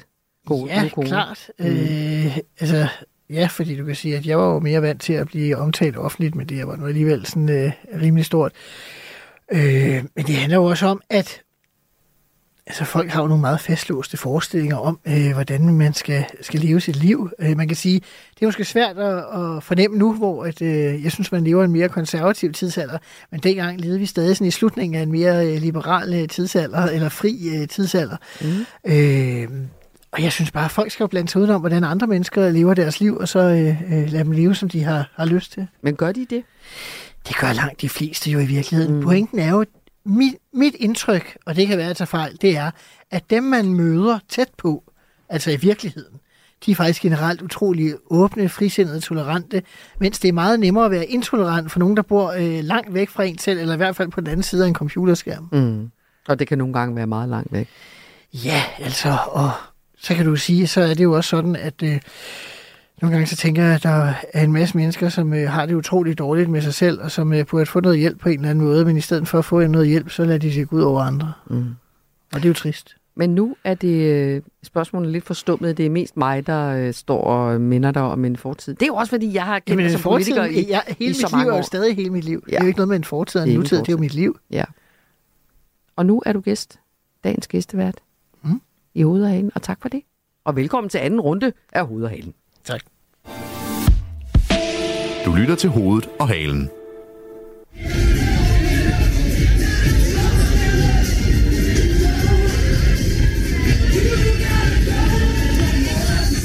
Det her, det er lyden af Pride. Øh, er, det, er det ikke rigtigt, Lars Henriksen? Sådan lyder Pride'en i øh, Københavns gader. Det, er blandt, Det gør den, og gudskelov rigtig, rigtig mange det- andre steder i verden også. Det er et af favoritnumrene øh, i, i, i, i, det, i lydsiden af, af Pride'en. Og Copenhagen, Copenhagen Pride, det er et festfyrværkeri af farver og høje hæle og bare røve for at sige det ud. Ikke? Øh, og den her parade har jo efterhånden i nogle år bevæget sig gennem Københavns gader. Øh, fejringen af retten til at være øh, minoritet, kunne man sige. Og som sådan er det jo en fest, øh, men jo også tilsat en hel del politik, og i år er ingen undtagelse. Konflikten mellem Israel og Gaza er blevet en del af den politiske debat, også om Pride'en. Copenhagen Pride stiller nu krav til jeres sponsorer om, at virksomhederne redegør for, og jeg citerer, engagement, deres engagement, investeringer og tilstedeværelse i Israel øh, og Gaza. Sådan skrev I øh, Copenhagen Pride i et Facebook-opslag i, i weekenden, hvor øh, Winter Pride blev afholdt her. Og Lars Henriksen, du er politisk forperson i netop Copenhagen Pride, og, og det har jo vagt noget, øh, noget kritik og noget debat, det her med, at I så at sige blander øh, konflikten, alt det, der sker i Gaza, øh, ind i selve Pride'en. Hvorfor gør I det? Jamen, Copenhagen Pride er jo, kan man sige, både repræsentanter for og produkt af øh, rigtig, rigtig mange forskellige stemmer på tværs af LGBT plus miljøet, og det er jo folk, der på trods af, at vi LGBT plus personer, mener alt muligt om alt muligt. Ja, og stemmer på forskelligt Ja, ja, også, præcis. Altså, ja. vi er jo ikke øh, mere ens eller mere anderledes end andre mennesker, når det kommer til det. Øh, og vi forsøger altid at lytte. Øh, og øh, i forbindelse med det her, øh, så, det konkrete, du henviser her til, jeg tror ikke, vi brugte ordet krav om, men, men vi, vi sagde, at vi gerne ville, okay. at vi ville stille spørgsmål ved det. Det er muligt, eller det er til mit- det. mit- mit ord, krav, ja. Og, og det var fordi, der var nogle konkrete henvendelser, temmelig mange faktisk, om folk, der sagde, fordi nu det her foregår, vil I så stille spørgsmål til det? Og vi har en mangeårig praksis for, at når vi taler med partnere og forhandler en ny aftale med dem, så sætter vi os ned og snakker om verden, som den ser ud, både for, set fra vores synspunkt og fra deres synspunkt. Øh, og vi prøver at finde ud af, om det her partnerskab er godt for os begge to, og om vi kommer ind i et godt partnerskab, eller om det kan risikere at blive en dårlig oplevelse for nogen af os. Den samtale har vi hvert år. Og derfor var der ikke noget nyt for os i at gå ud og sige, ja, vi, altså egentlig det vi siger, det er, vi gør det, vi plejer at gøre. Vi taler med vores partner om det, der rører sig i verden. Vi har ikke ændret sig, verden har ændret sig. Så nu er det selvfølgelig naturligt for os også at bringe det spørgsmål op øh, som en del af den samtale. Og det var egentlig det, vi forsøgte at give udtryk for, og det kan være, at vi har været dårlige til at formulere det sådan, at det blev forstået rigtigt. I hvert fald viser det sig, at begge sider af den her debat har svært ved at øh, gå ind på vores, kan man sige, synes vi selv, pragmatiske tilgang. Øh, på den ene side bliver det set som, at vi ikke er vidtgående nok, at vi ikke distancerer os nok, at vi ikke øh, kalder ting ved bestemte ord. På den anden side bliver vi så beskyldt for at gå Hamas' ærende for eksempel, eller for at være, øh, at det er udtryk for antisemitisme og andre ting. Så der er et kæmpe behov, synes jeg, vi kan, eller jeg mærker, for at male det her op i sort og hvidt, i stedet for at se de her mange grås, gråtoner, som jeg faktisk synes, den her konflikt også har. Men Lars, øh, bare lige sådan, så vi ved, hvad vi taler om til at begynde med, fordi sådan som jeg umiddelbart havde forstået det, inden jeg kommer ind i det her studie, så handler det om, at hvis øh, de har et for tæt samarbejde med Israel, så kan de måske ikke få lov at være partnere, eller hvad er det, går Nej, ikke nødvendigvis. Altså, øh, det, det vi er nysgerrige på, det er jo, kan man sige, naturen af det, det, det, det eventuelle. Altså, hvad, altså, vi har jo for eksempel en bestemmelse, og den står meget tydeligt, at vi ikke arbejder sammen med nogen, der støtter våbenindustrien. Det har vi altid spurgt til, men nu spørger vi lige en ekstra gang, øh, fordi vi vil meget, meget gerne være sikre på, at, øh, at vi ikke øh, er ude i noget, hvor, hvor man kan beskylde os for at øh, støtte for eksempel den israelske krigsindsats, men det handler jo ikke om Isra- Israel som sådan. Øh, det handler om den konkrete situation, hvor der er en militær magt, der kaster bomber i hovedet på nogle andre folk. Må, må, må jeg øh, lige afbryde det, Simone? for jeg tænker, om det er vigtigt lige at forklare lytterne, hvad er det for nogle partnere, de her?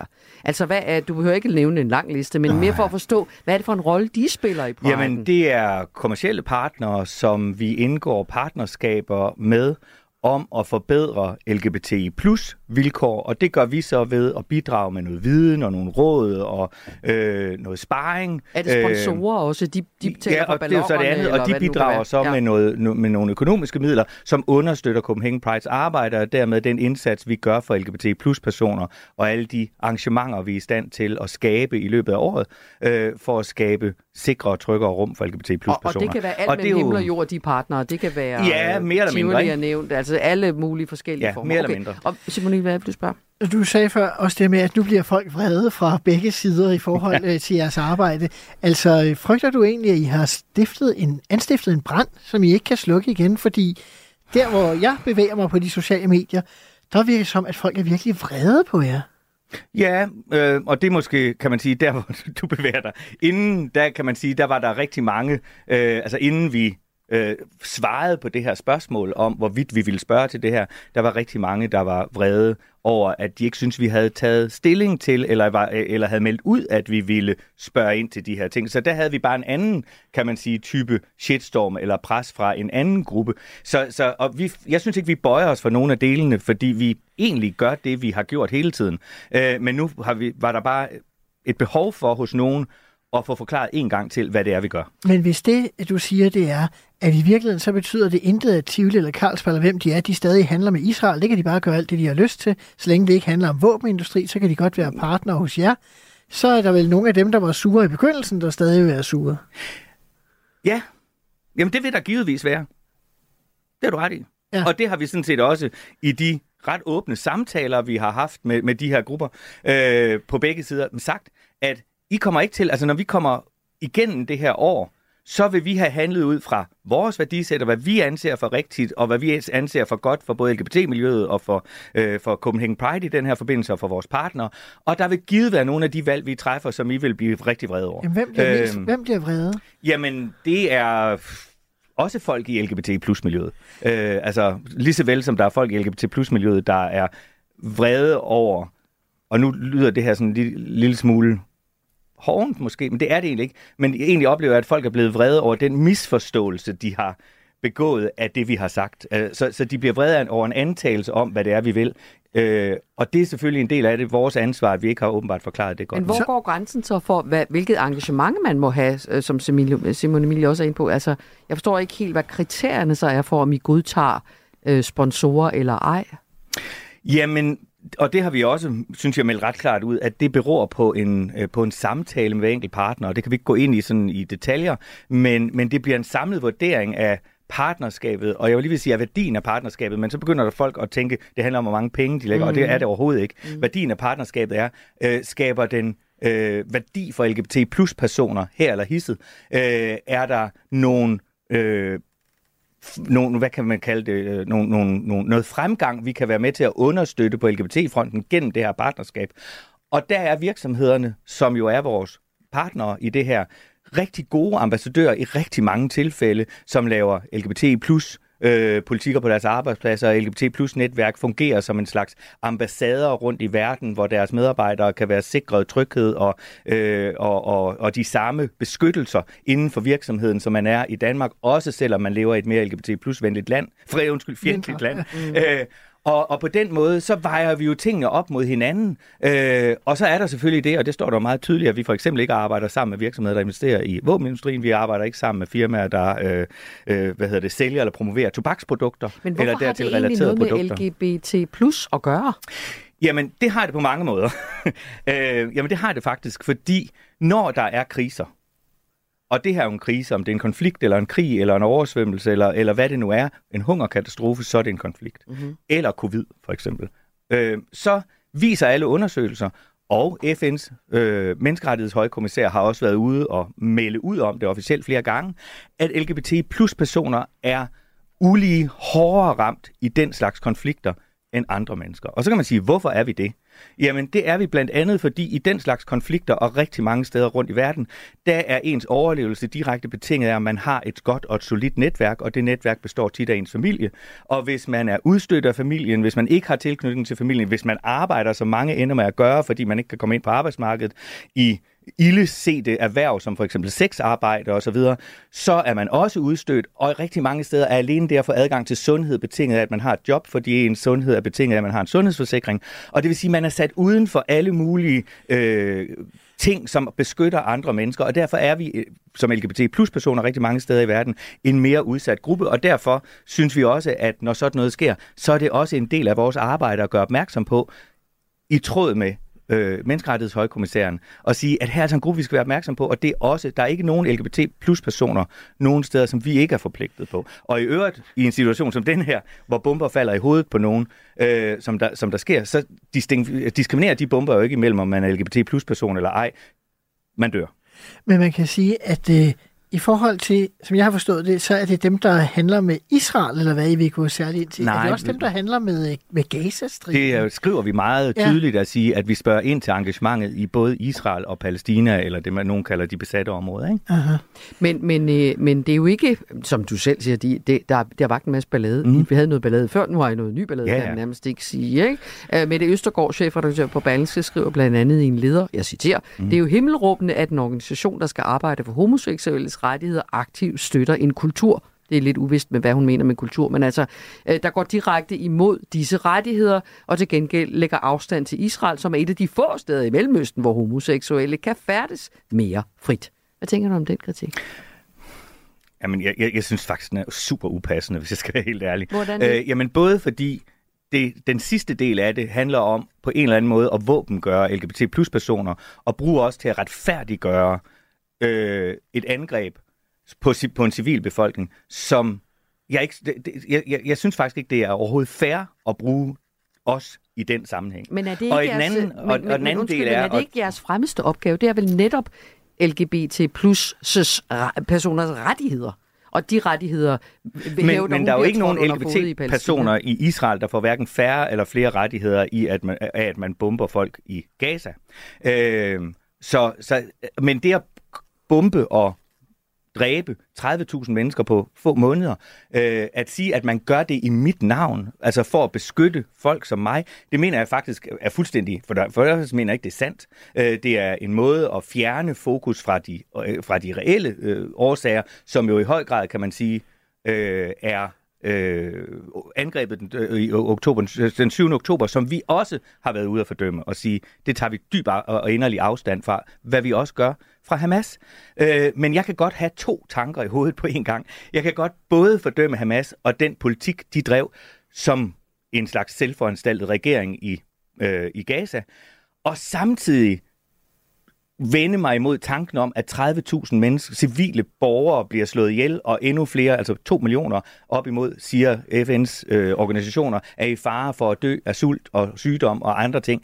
Jeg kan godt have begge tanker, jeg kan godt have empati for begge dele men, øh, på en gang. Men har I gjort det samme i forhold til andre øh, krige og kriser, altså Syrienskrigen for eksempel, hvor mange flere mennesker er blevet slået ihjel?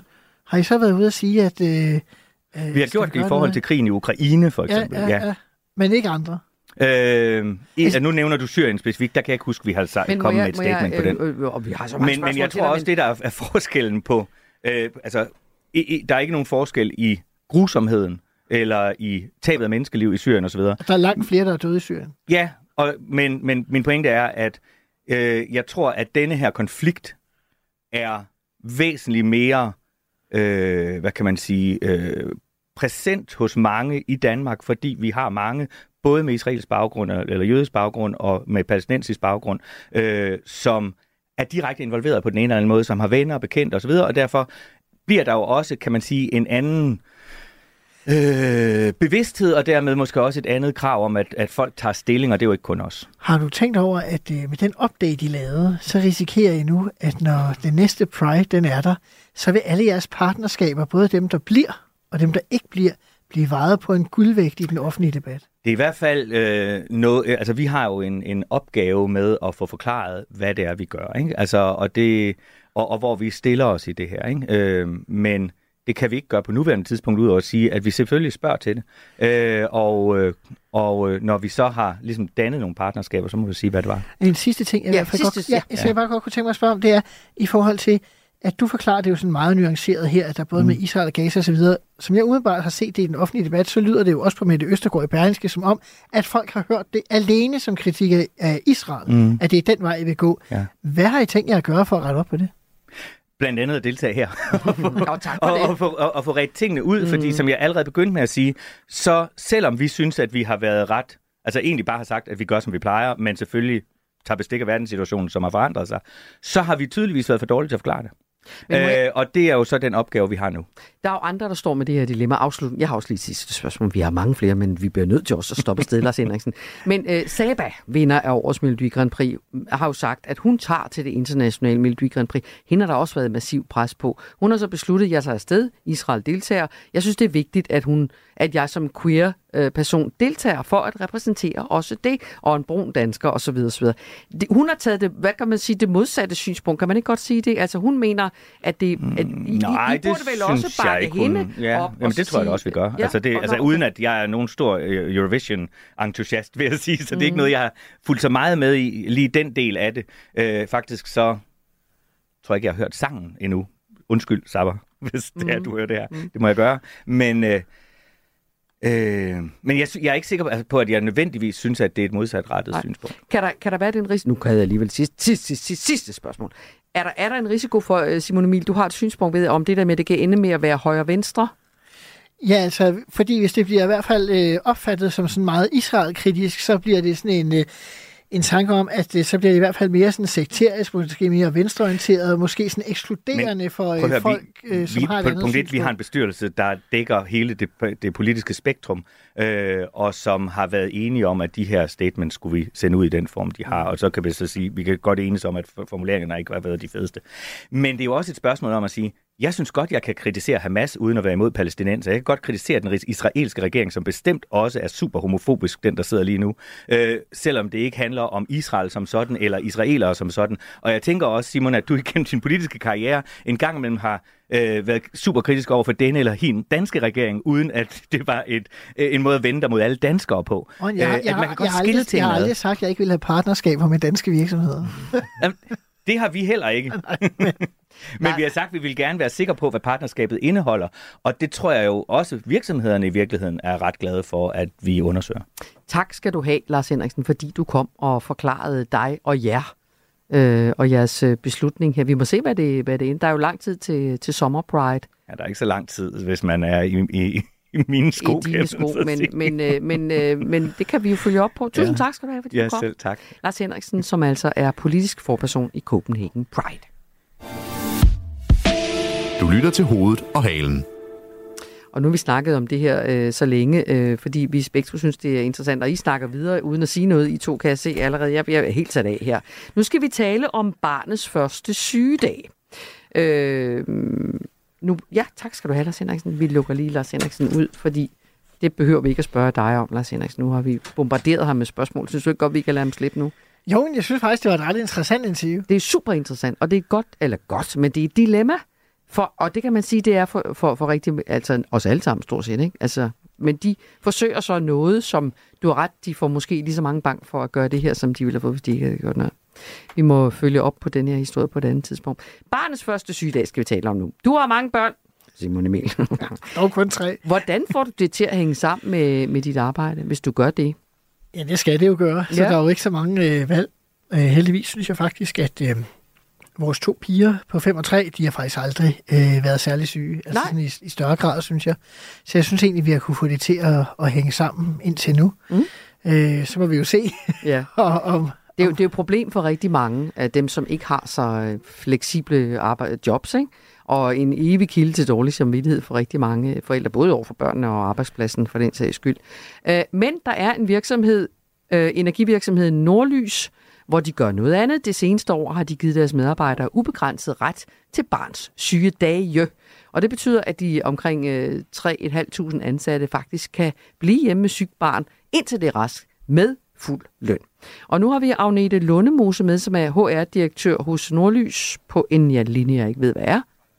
På Thailand 1 får jeg at vide i mit øre, og den, ja. så du ligger der. Velkommen, Agnete og Lundemose.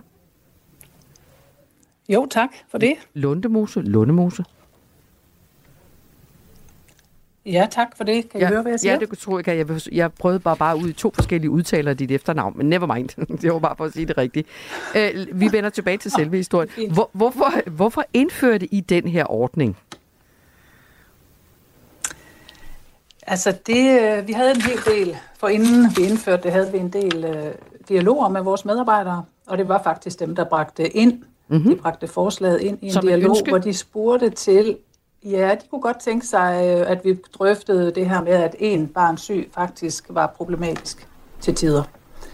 Vi havde øh, en masse gode drøftelser på tværs af vores hus, og det endte faktisk med, at vi så valgte at gå hele vejen ved at gøre det ubegrænset, efter en, en nogen længere snak, ikke? Jo, at, har, har det vi så synes, betydet... vi står... Mm.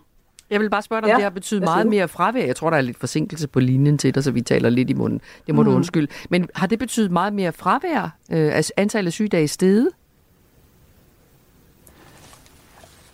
Altså først så vil jeg sige, at det fungerer faktisk bare rigtig godt for os. Både for medarbejderne og for, for Nordlys. Øhm, jeg tænker, at vi, øh, vi har... Altså det er for tidligt for os helt at kunne sige, om det betyder mere fravær, fordi der er sket så mange andre ting, som påvirker øh, det, de tal, så vi kan faktisk ikke helt sige det. Fordi vi har faktisk også, også haft øh, andre øh, ting, der har præget det, blandt andet hele efteråret, det må I også have oplevet, med kæmpe sygefravær i samfundet, ikke? Altså mm. flere forskellige øh, virer på en gang og sådan noget, som faktisk har påvirket vores sygefravær generelt. Og dermed jo også vores barns sygefravær, børnenes sygefravær, ikke? Så jeg tænker, at øh, vi kan ikke sige det, som det er lige nu, men vi holder selvfølgelig meget øje med det. Det jeg kan sige, det er, at det fungerer hos os. Det er ikke noget, der er brugt i et omfang, så det er et, en udfordring hos os. Og hvad med, Øh, vi taler meget om det, og vi bruger det på kryds og tværs, så det, jeg vil sige, det, er, det, får, det går faktisk ret godt. Jeg går ud fra, at det er også det, vi er nysgerrige på, om det virker. Men det er jo i det hele taget meget interessant, fordi at alle vi, der har børn, tænker, det lyder da dejligt, men man kan jo ikke lade være med at tænke på, øh, hvad med dem, der ikke har børn, eller børn, der er vokset, øh, vokset op og blevet større, og ikke kræver mor og far øh, ved sygedagene. Kan I se noget på, hvordan de, mm. de øvrige kolleger egentlig tager øh, omlægningen?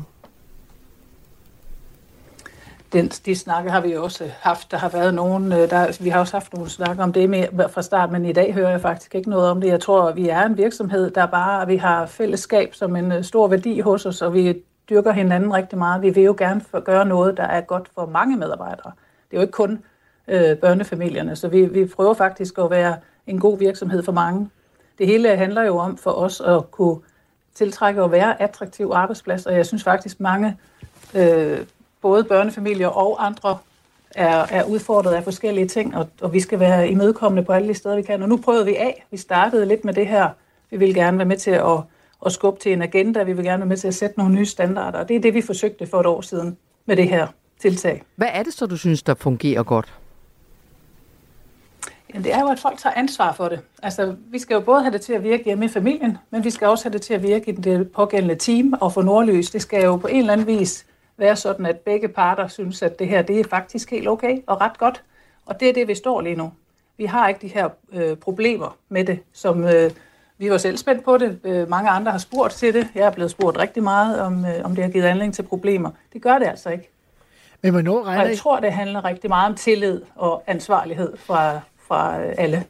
men du siger, at I ikke rigtig kan rense efterårets tal fra det generelle sygefravær. Altså har I sådan nogle planer for, hvornår I skal kunne evaluere på det? Fordi på et eller andet tidspunkt bliver det vel interessant. Kan det betale sig for virksomheden, eller kan det ikke? Mm. Men det handler jo ikke kun om sygedataene. Altså, det er vigtigt for os, dem skal vi nok holde øje med. Øh, det, som det også handler om, det er jo tiltrækningskraft. Altså, det er jo, det er jo lige så svært at gøre op, hvor mange, hvor meget af det fastholdelse, og er de helt rigtigt, der søger job hos os, hvor meget af det kan tillægges det her tiltag. Så i det, vir- det så- kan jeg ikke gøre op. Så i virkeligheden er det et instrument i jeres kamp for at få fat i de gode medarbejdere i konkurrence med andre virksomheder. Ja, på det er det jo i allerhøjeste grad også. Mm. I har vil lige være, fået grønt lys en til at- arbejdsplads. I har lige fået grønt lys til at øh, opkøbe øh, Telia, forstår jeg.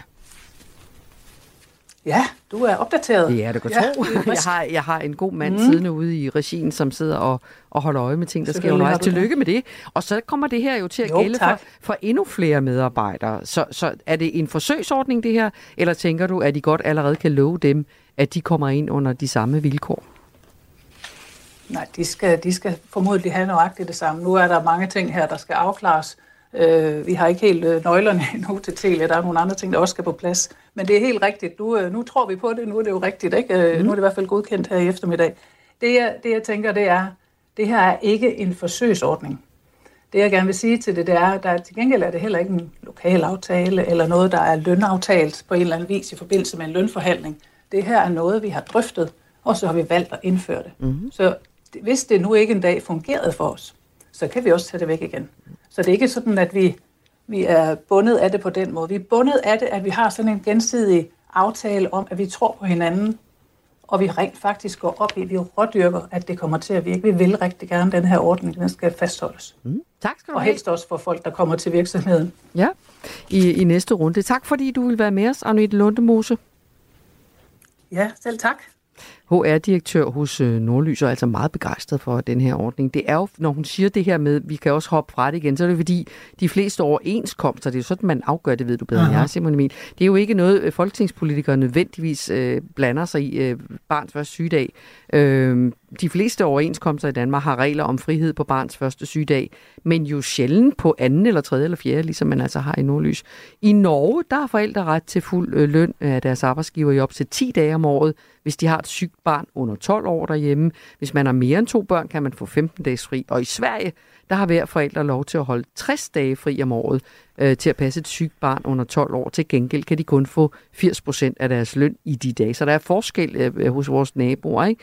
Men øh, vi har sådan set i Danmark de ringeste rettigheder i forhold til at få lov at blive hjemme og passe børn, når de er syge. Det mener i hvert fald enhedslisten, og det er noget, som Christiansborg egentlig bør kigge på, og det ikke, som ikke skal løses via for eksempel overenskomster og forhandlinger. Det mener Victoria Velasquez fra enhedslisten. Der er flere af de her ting, hvor at den danske model jo går på to ben. Både det, som handler om overenskomsterne, og også den del, som handler om lovgivningen. Og der er lovgivningen jo blandt andet alt det, der har med ansættelseskontrakter at gøre. Rigtig mange ting omkring arbejdsmiljø, dagpengeregler, øh, sygedagpengeregler og barselsregler og andre ting er jo noget, vi lovgiver hen- herinde for Christiansborg. Hvad siger du, Simon Emil? Øh, er, er det staten, der bør blande sig i det her retten til at passe syge børn, eller skal det ligge hos arbejdsmarkedsparter? Altså, jeg synes, man løser det ganske fint, som det er i øjeblikket. Øh, pointen er jo, at øh, vi taler om det her med, regeringen taler om, at øh, den nye valuta er arbejdskraft. Det er sådan set en valuta, der har været i mange årtier. Jeg ved ikke, hvorfor de kalder det en ny valuta. Det er nok, fordi der er færre øh, arbejdstagere, Det er, fordi der, har er mere været, pres øh, på. Der er Der ikke flere kan- arbejdstager. Der er flere end nogensinde før, men arbejdsmarkedet opsuger også flere, mm. end man nogensinde har gjort før. Mm. Og det her, tror jeg, hvis man bare breder det ud som en lovgivningsmæssig rettighed, så tror jeg ikke, der er nogen tvivl om, at det vil føre til øh, et mindsket arbejdsudbud, for nu at tale i, i økonom. Ja, det blev meget øh, teknisk. Ja, ja, men så derfor tror jeg, det vil, være, det vil presse samfundsøkonomien, for okay. Nu at sige det sådan. Ja, ja. Men det er måske en meget god idé, at man kan gøre det med, med lokale aftaler og så videre. øhm, Det lyder i hvert fald som så kan, det et- et- et kan man jo også sørge for at øh, mindske lønpresset ved måske at tilbyde at gøre noget på vilkårene. Og det vil måske i virkeligheden være meget klogt i den Mhm. situation, vi er i i øjeblikket. Vi kan sige velkommen til vores øh, næste gæst til arbejdsmarkedsforsker Ben Greve, professor ved Roskilde Universitet. Velkommen til. Kan du høre mig, Ben Greve?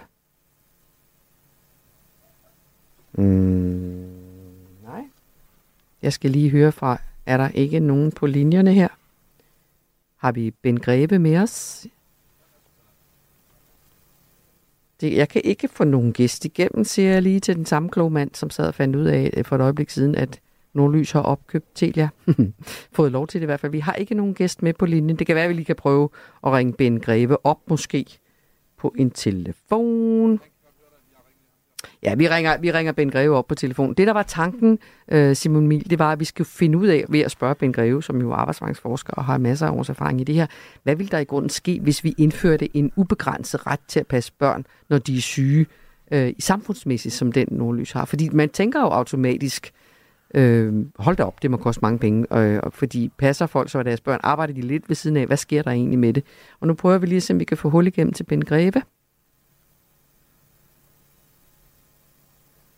Og det, øh, det ser ud som om, det er lidt vanskeligt.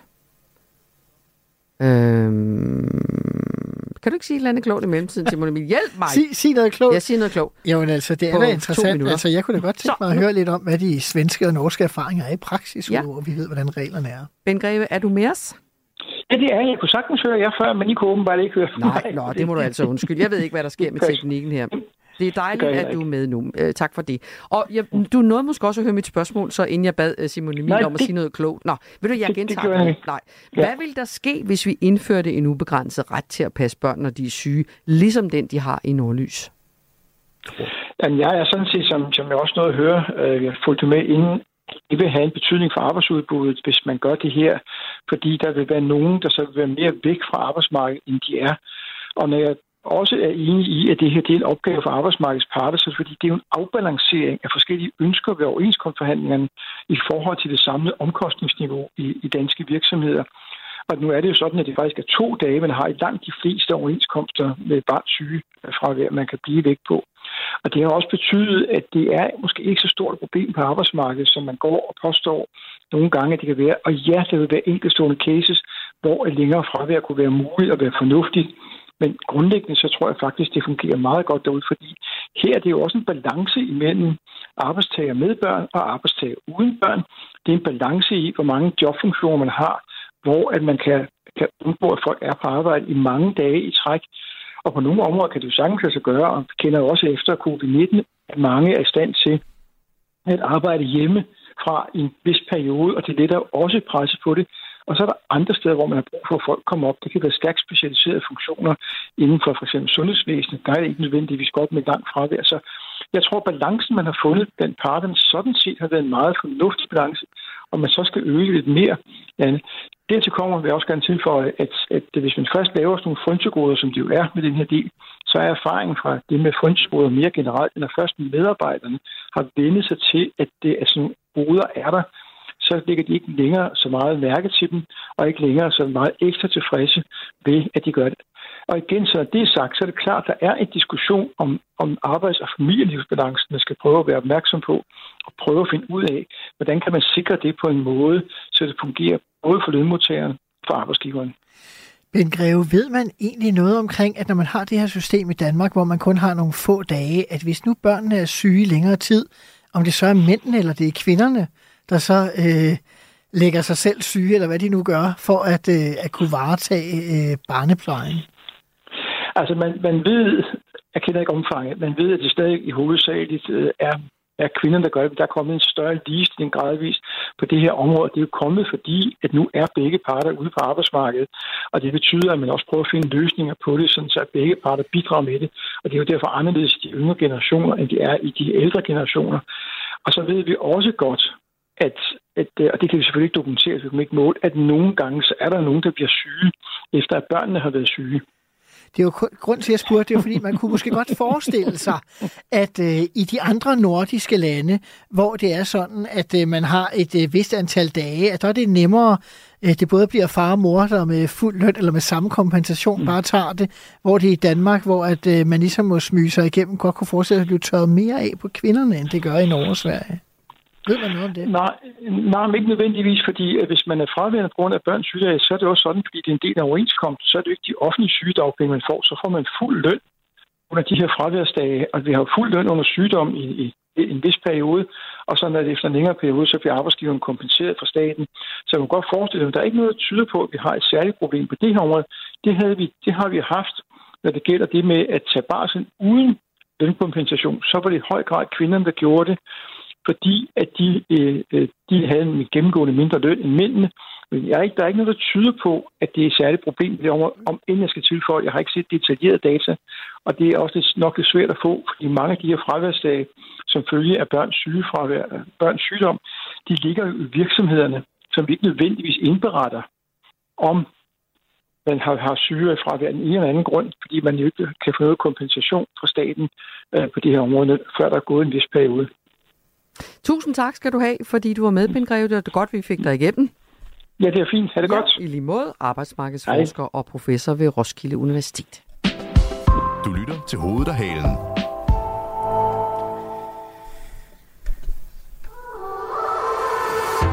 I Radio 4's app kan du altid lytte med, når vi sender live. Fra tidlig morgen til de sene nattetimer. Download Radio 4's app og lyt med, hvor end du er.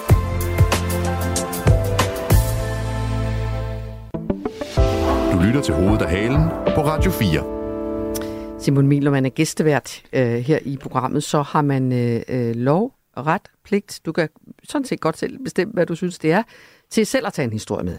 Så man tænker, den synes jeg, det er vigtigt at snakke om. Det her det er nyhedsstrøm, her er min historie i nyhedsstrømmen. Øh, og det har du tænkt over, og så har du, øh, jeg kan måske lige spille en teaser for, hvad det er, vi skal snakke om nu.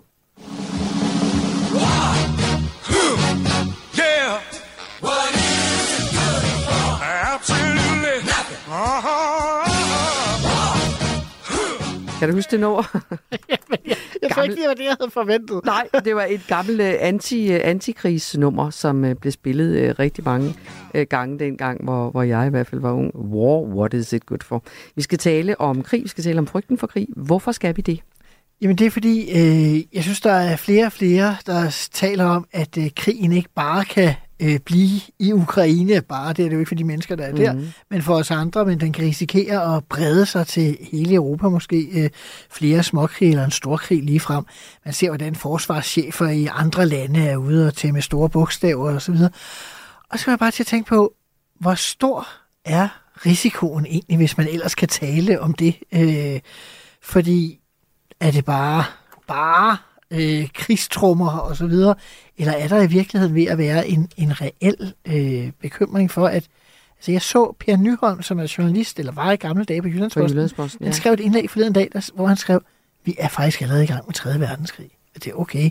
Hvis så øh, belæst og begavet et menneske kan skrive det, så bør man måske interessere sig lidt mere for Og i dag sagde et andet øh, belæst og begavet, formentlig også Ursula von der Leyen, menneske EU's kommissionsformand, at EU bør forberede sig på krig, sagde hun også. Risikoen er ikke overhængende, sagde hun, men det er ikke umuligt. Altså, der, du har fuldstændig ret. Det er, det er noget, der rumler rundt omkring, og der bliver skrevet øh, avisledere, og, og mange forholder sig til det. Skal vi, øh, skal vi ikke sige velkommen til Peter Viggo Jacobsen, som plejer at være et øh, ærligt menneske med direkte svar på indviklede spørgsmål. Lektor ved Forsvarsakademiet, altså for, Forsvarsakademiet. Peter Viggo Jacobsen, velkommen.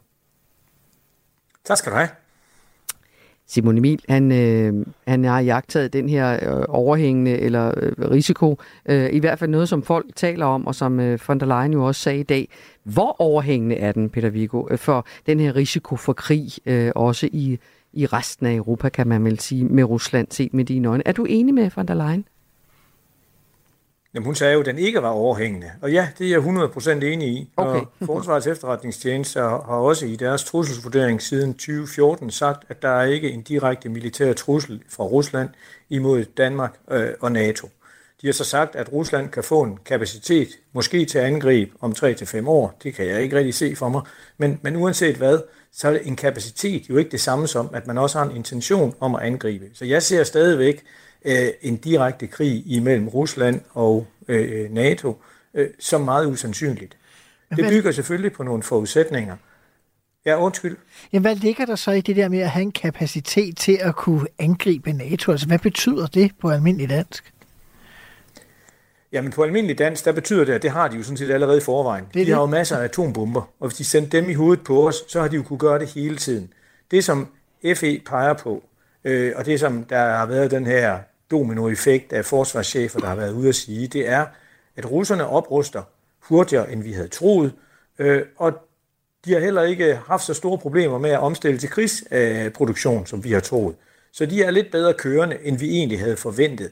Og derfor så kan de blive, så kan de blive stærkere igen hurtigere, end vi havde forventet. Men, men jeg, jeg kan stadigvæk ikke fylde følge deres regnestykke med, at Rusland om tre år skal have en kapacitet til både at holde Ukraine besat, det som de, de sidder på. Jeg tror nemlig ikke, de bliver smidt helt ud igen. Så de har brug for nogle besættelsesstyrker til at holde det, de har hugget, og også holde ukrainerne for fadet. Og samtidig skal de jo så også opstille styrker til at kunne øh, takle NATO hele vejen fra Murmansk til Sortehavet.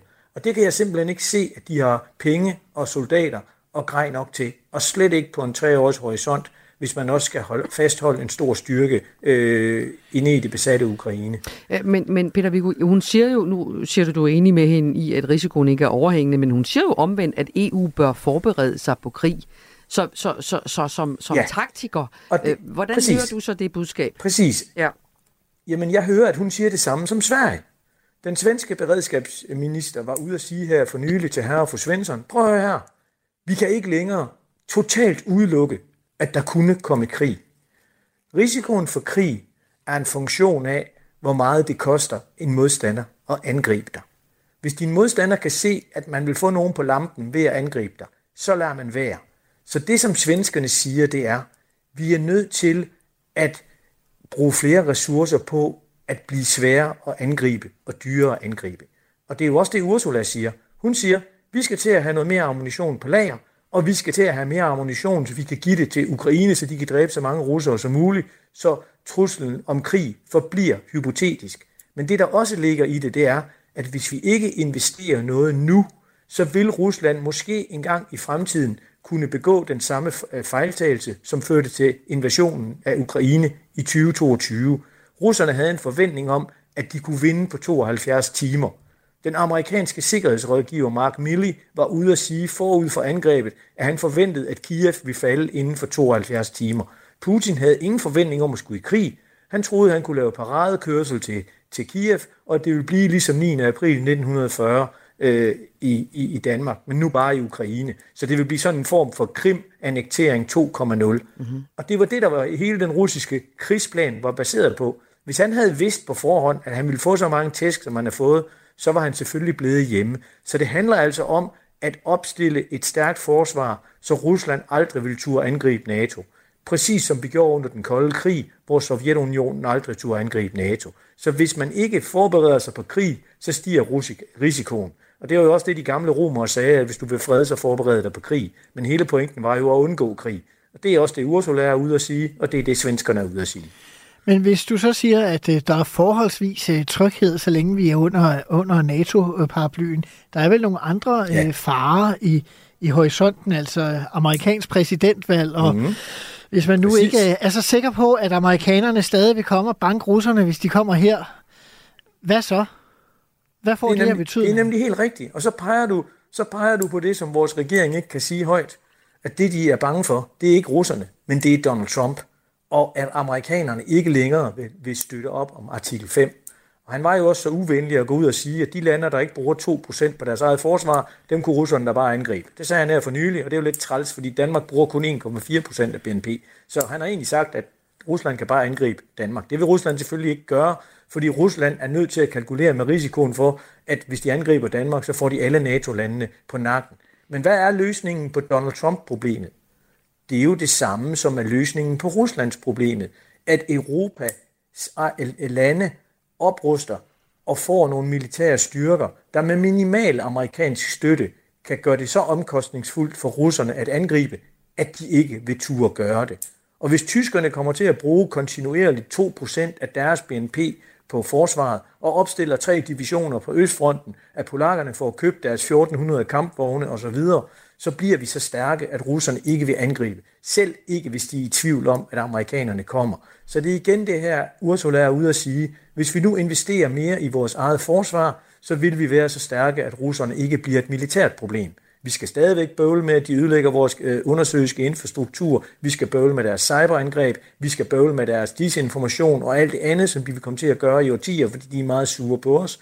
Men konventionel krig, det mener jeg sagtens, vi kan undgå, hvis vi øh, investerer fornuftigt i vores forsvar nu. Og det gør stort set alle europæiske lande med undtagelse af Danmark, der stadigvæk taler om det. Så det vil sige, hvis vi sender et øh, fint signal både til Moskva og til Washington, så tænker du så, at der ikke nogen øh, 3. verdenskrig på vej mellem Rusland og NATO. Hvad så med randlandene, øh, så at sige? Altså man taler om, øh, om øh, hvad der sker i, i Moldova og, og andre steder øh, ja. i de her dage. Altså kan vi se flere af sådan nogle øh, krige mellem Rusland og de lande, der ikke er under NATO-paraplyen? Det tror jeg godt, man kan forestille sig. Jeg kan sagtens forestille mig, at altså, som jeg ser Ruslands fremtid nu, så går det ned ad bakke for Rusland relativt. De kan ikke konkurrere med os økonomisk. De kan ikke konkurrere med inderne økonomisk, og de kan ikke konkurrere med, med kineserne økonomisk. Så jeg ser, at de gradvist vil miste mere økonomisk magt, og dermed overskud til at, overskud til at fastholde og dominere lande øh, i deres nærområde, som, som, de egentlig, som egentlig ikke har lyst til at blive domineret af dem. Vi ser jo helt konkret lige nu, at Hvide Rusland er de facto øh, besat af, af Rusland. øh, og at den, øh, den siddende præsident der jo er der, er der på Putins nåde. Jeg kunne sagtens forestille mig, at hvis vi kigger 15 år frem, så er Rusland yderligere svækket, og så vil der være nogen i Hvide Rusland, der godt kunne tænke sig at blive frigjort for det russiske å. Og hvis de begynder at bruge militærmagt for at prøve at smide russerne ud, så tænker jeg, at vi leverer våben til hvide russerne for at støtte deres frihedskamp. Så jeg kan sagtens forestille mig, at vi kommer til at se flere øh, stedfortræderkrige i Hvide Rusland. Moldova, det er jo interessant at se, hvad der sker der. Lige nu er det meget svært for russerne at komme til Moldova rent militært, men der er ikke nogen tvivl om, at russerne vil gøre, hvad de kan for at fastholde deres indflydelse der. Så vi skal da se, hvad vi kan gøre for at undgå, at der kommer øh, flere af den slags krige, men også at prøve at hjælpe de lande, der vil væk fra Rusland, til at gøre det på en måde, som ikke udløser brug af militærmagt. Så den udfordring står vi stadig med i forhold til Hvide Rusland, i forhold til Moldova, Transnistria, Georgien og de andre stander. Peter Viggo Jacobsen, tak skal du have, fordi du ville være med her i Hovedet og Halen. Selv tak. Fortsat god dag. Lige måde. Øh, Peter Viggo Jacobsen, som altså er lektor ved Forsvarsakademiet. Øh, en af vores øh, lyttere øh, skriver her, Simon Emil, jeg har det lidt som ulven kommer. Jeg har næsten hele mit liv hørt, at nu kommer russerne. Jeg er lidt skræmt over kvindelige overhoved, øh, overhoveder, statshoveder, tror jeg med, måske du mener. Ellen er blevet så krigsglad. Hilsen Ellen 1948. Jeg tror, du må være øh, hendes fødselsår 1948. Det er også ret skræmmende, det her. Det er skræmmende, men øh, jeg tror, som vi også lige hørte i indslaget fra Peter Viggo Jacobsen, det er jo bedre at være forberedt end at blive dårligt overrasket. Mm. Tak skal du have, fordi du har været min gæst i dag. Tak fordi jeg måtte. Amitsbøl Bille, det har været en fornøjelse. Du har stillet nogle super gode spørgsmål. Tak, det har ja. været en fornøjelse at være ja. med. Og nu skal du hjem og passe din egen podcast.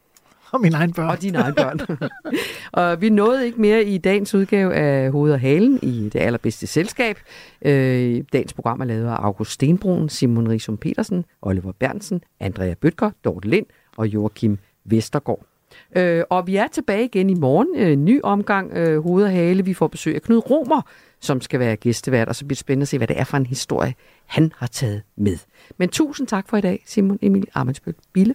I lige måde.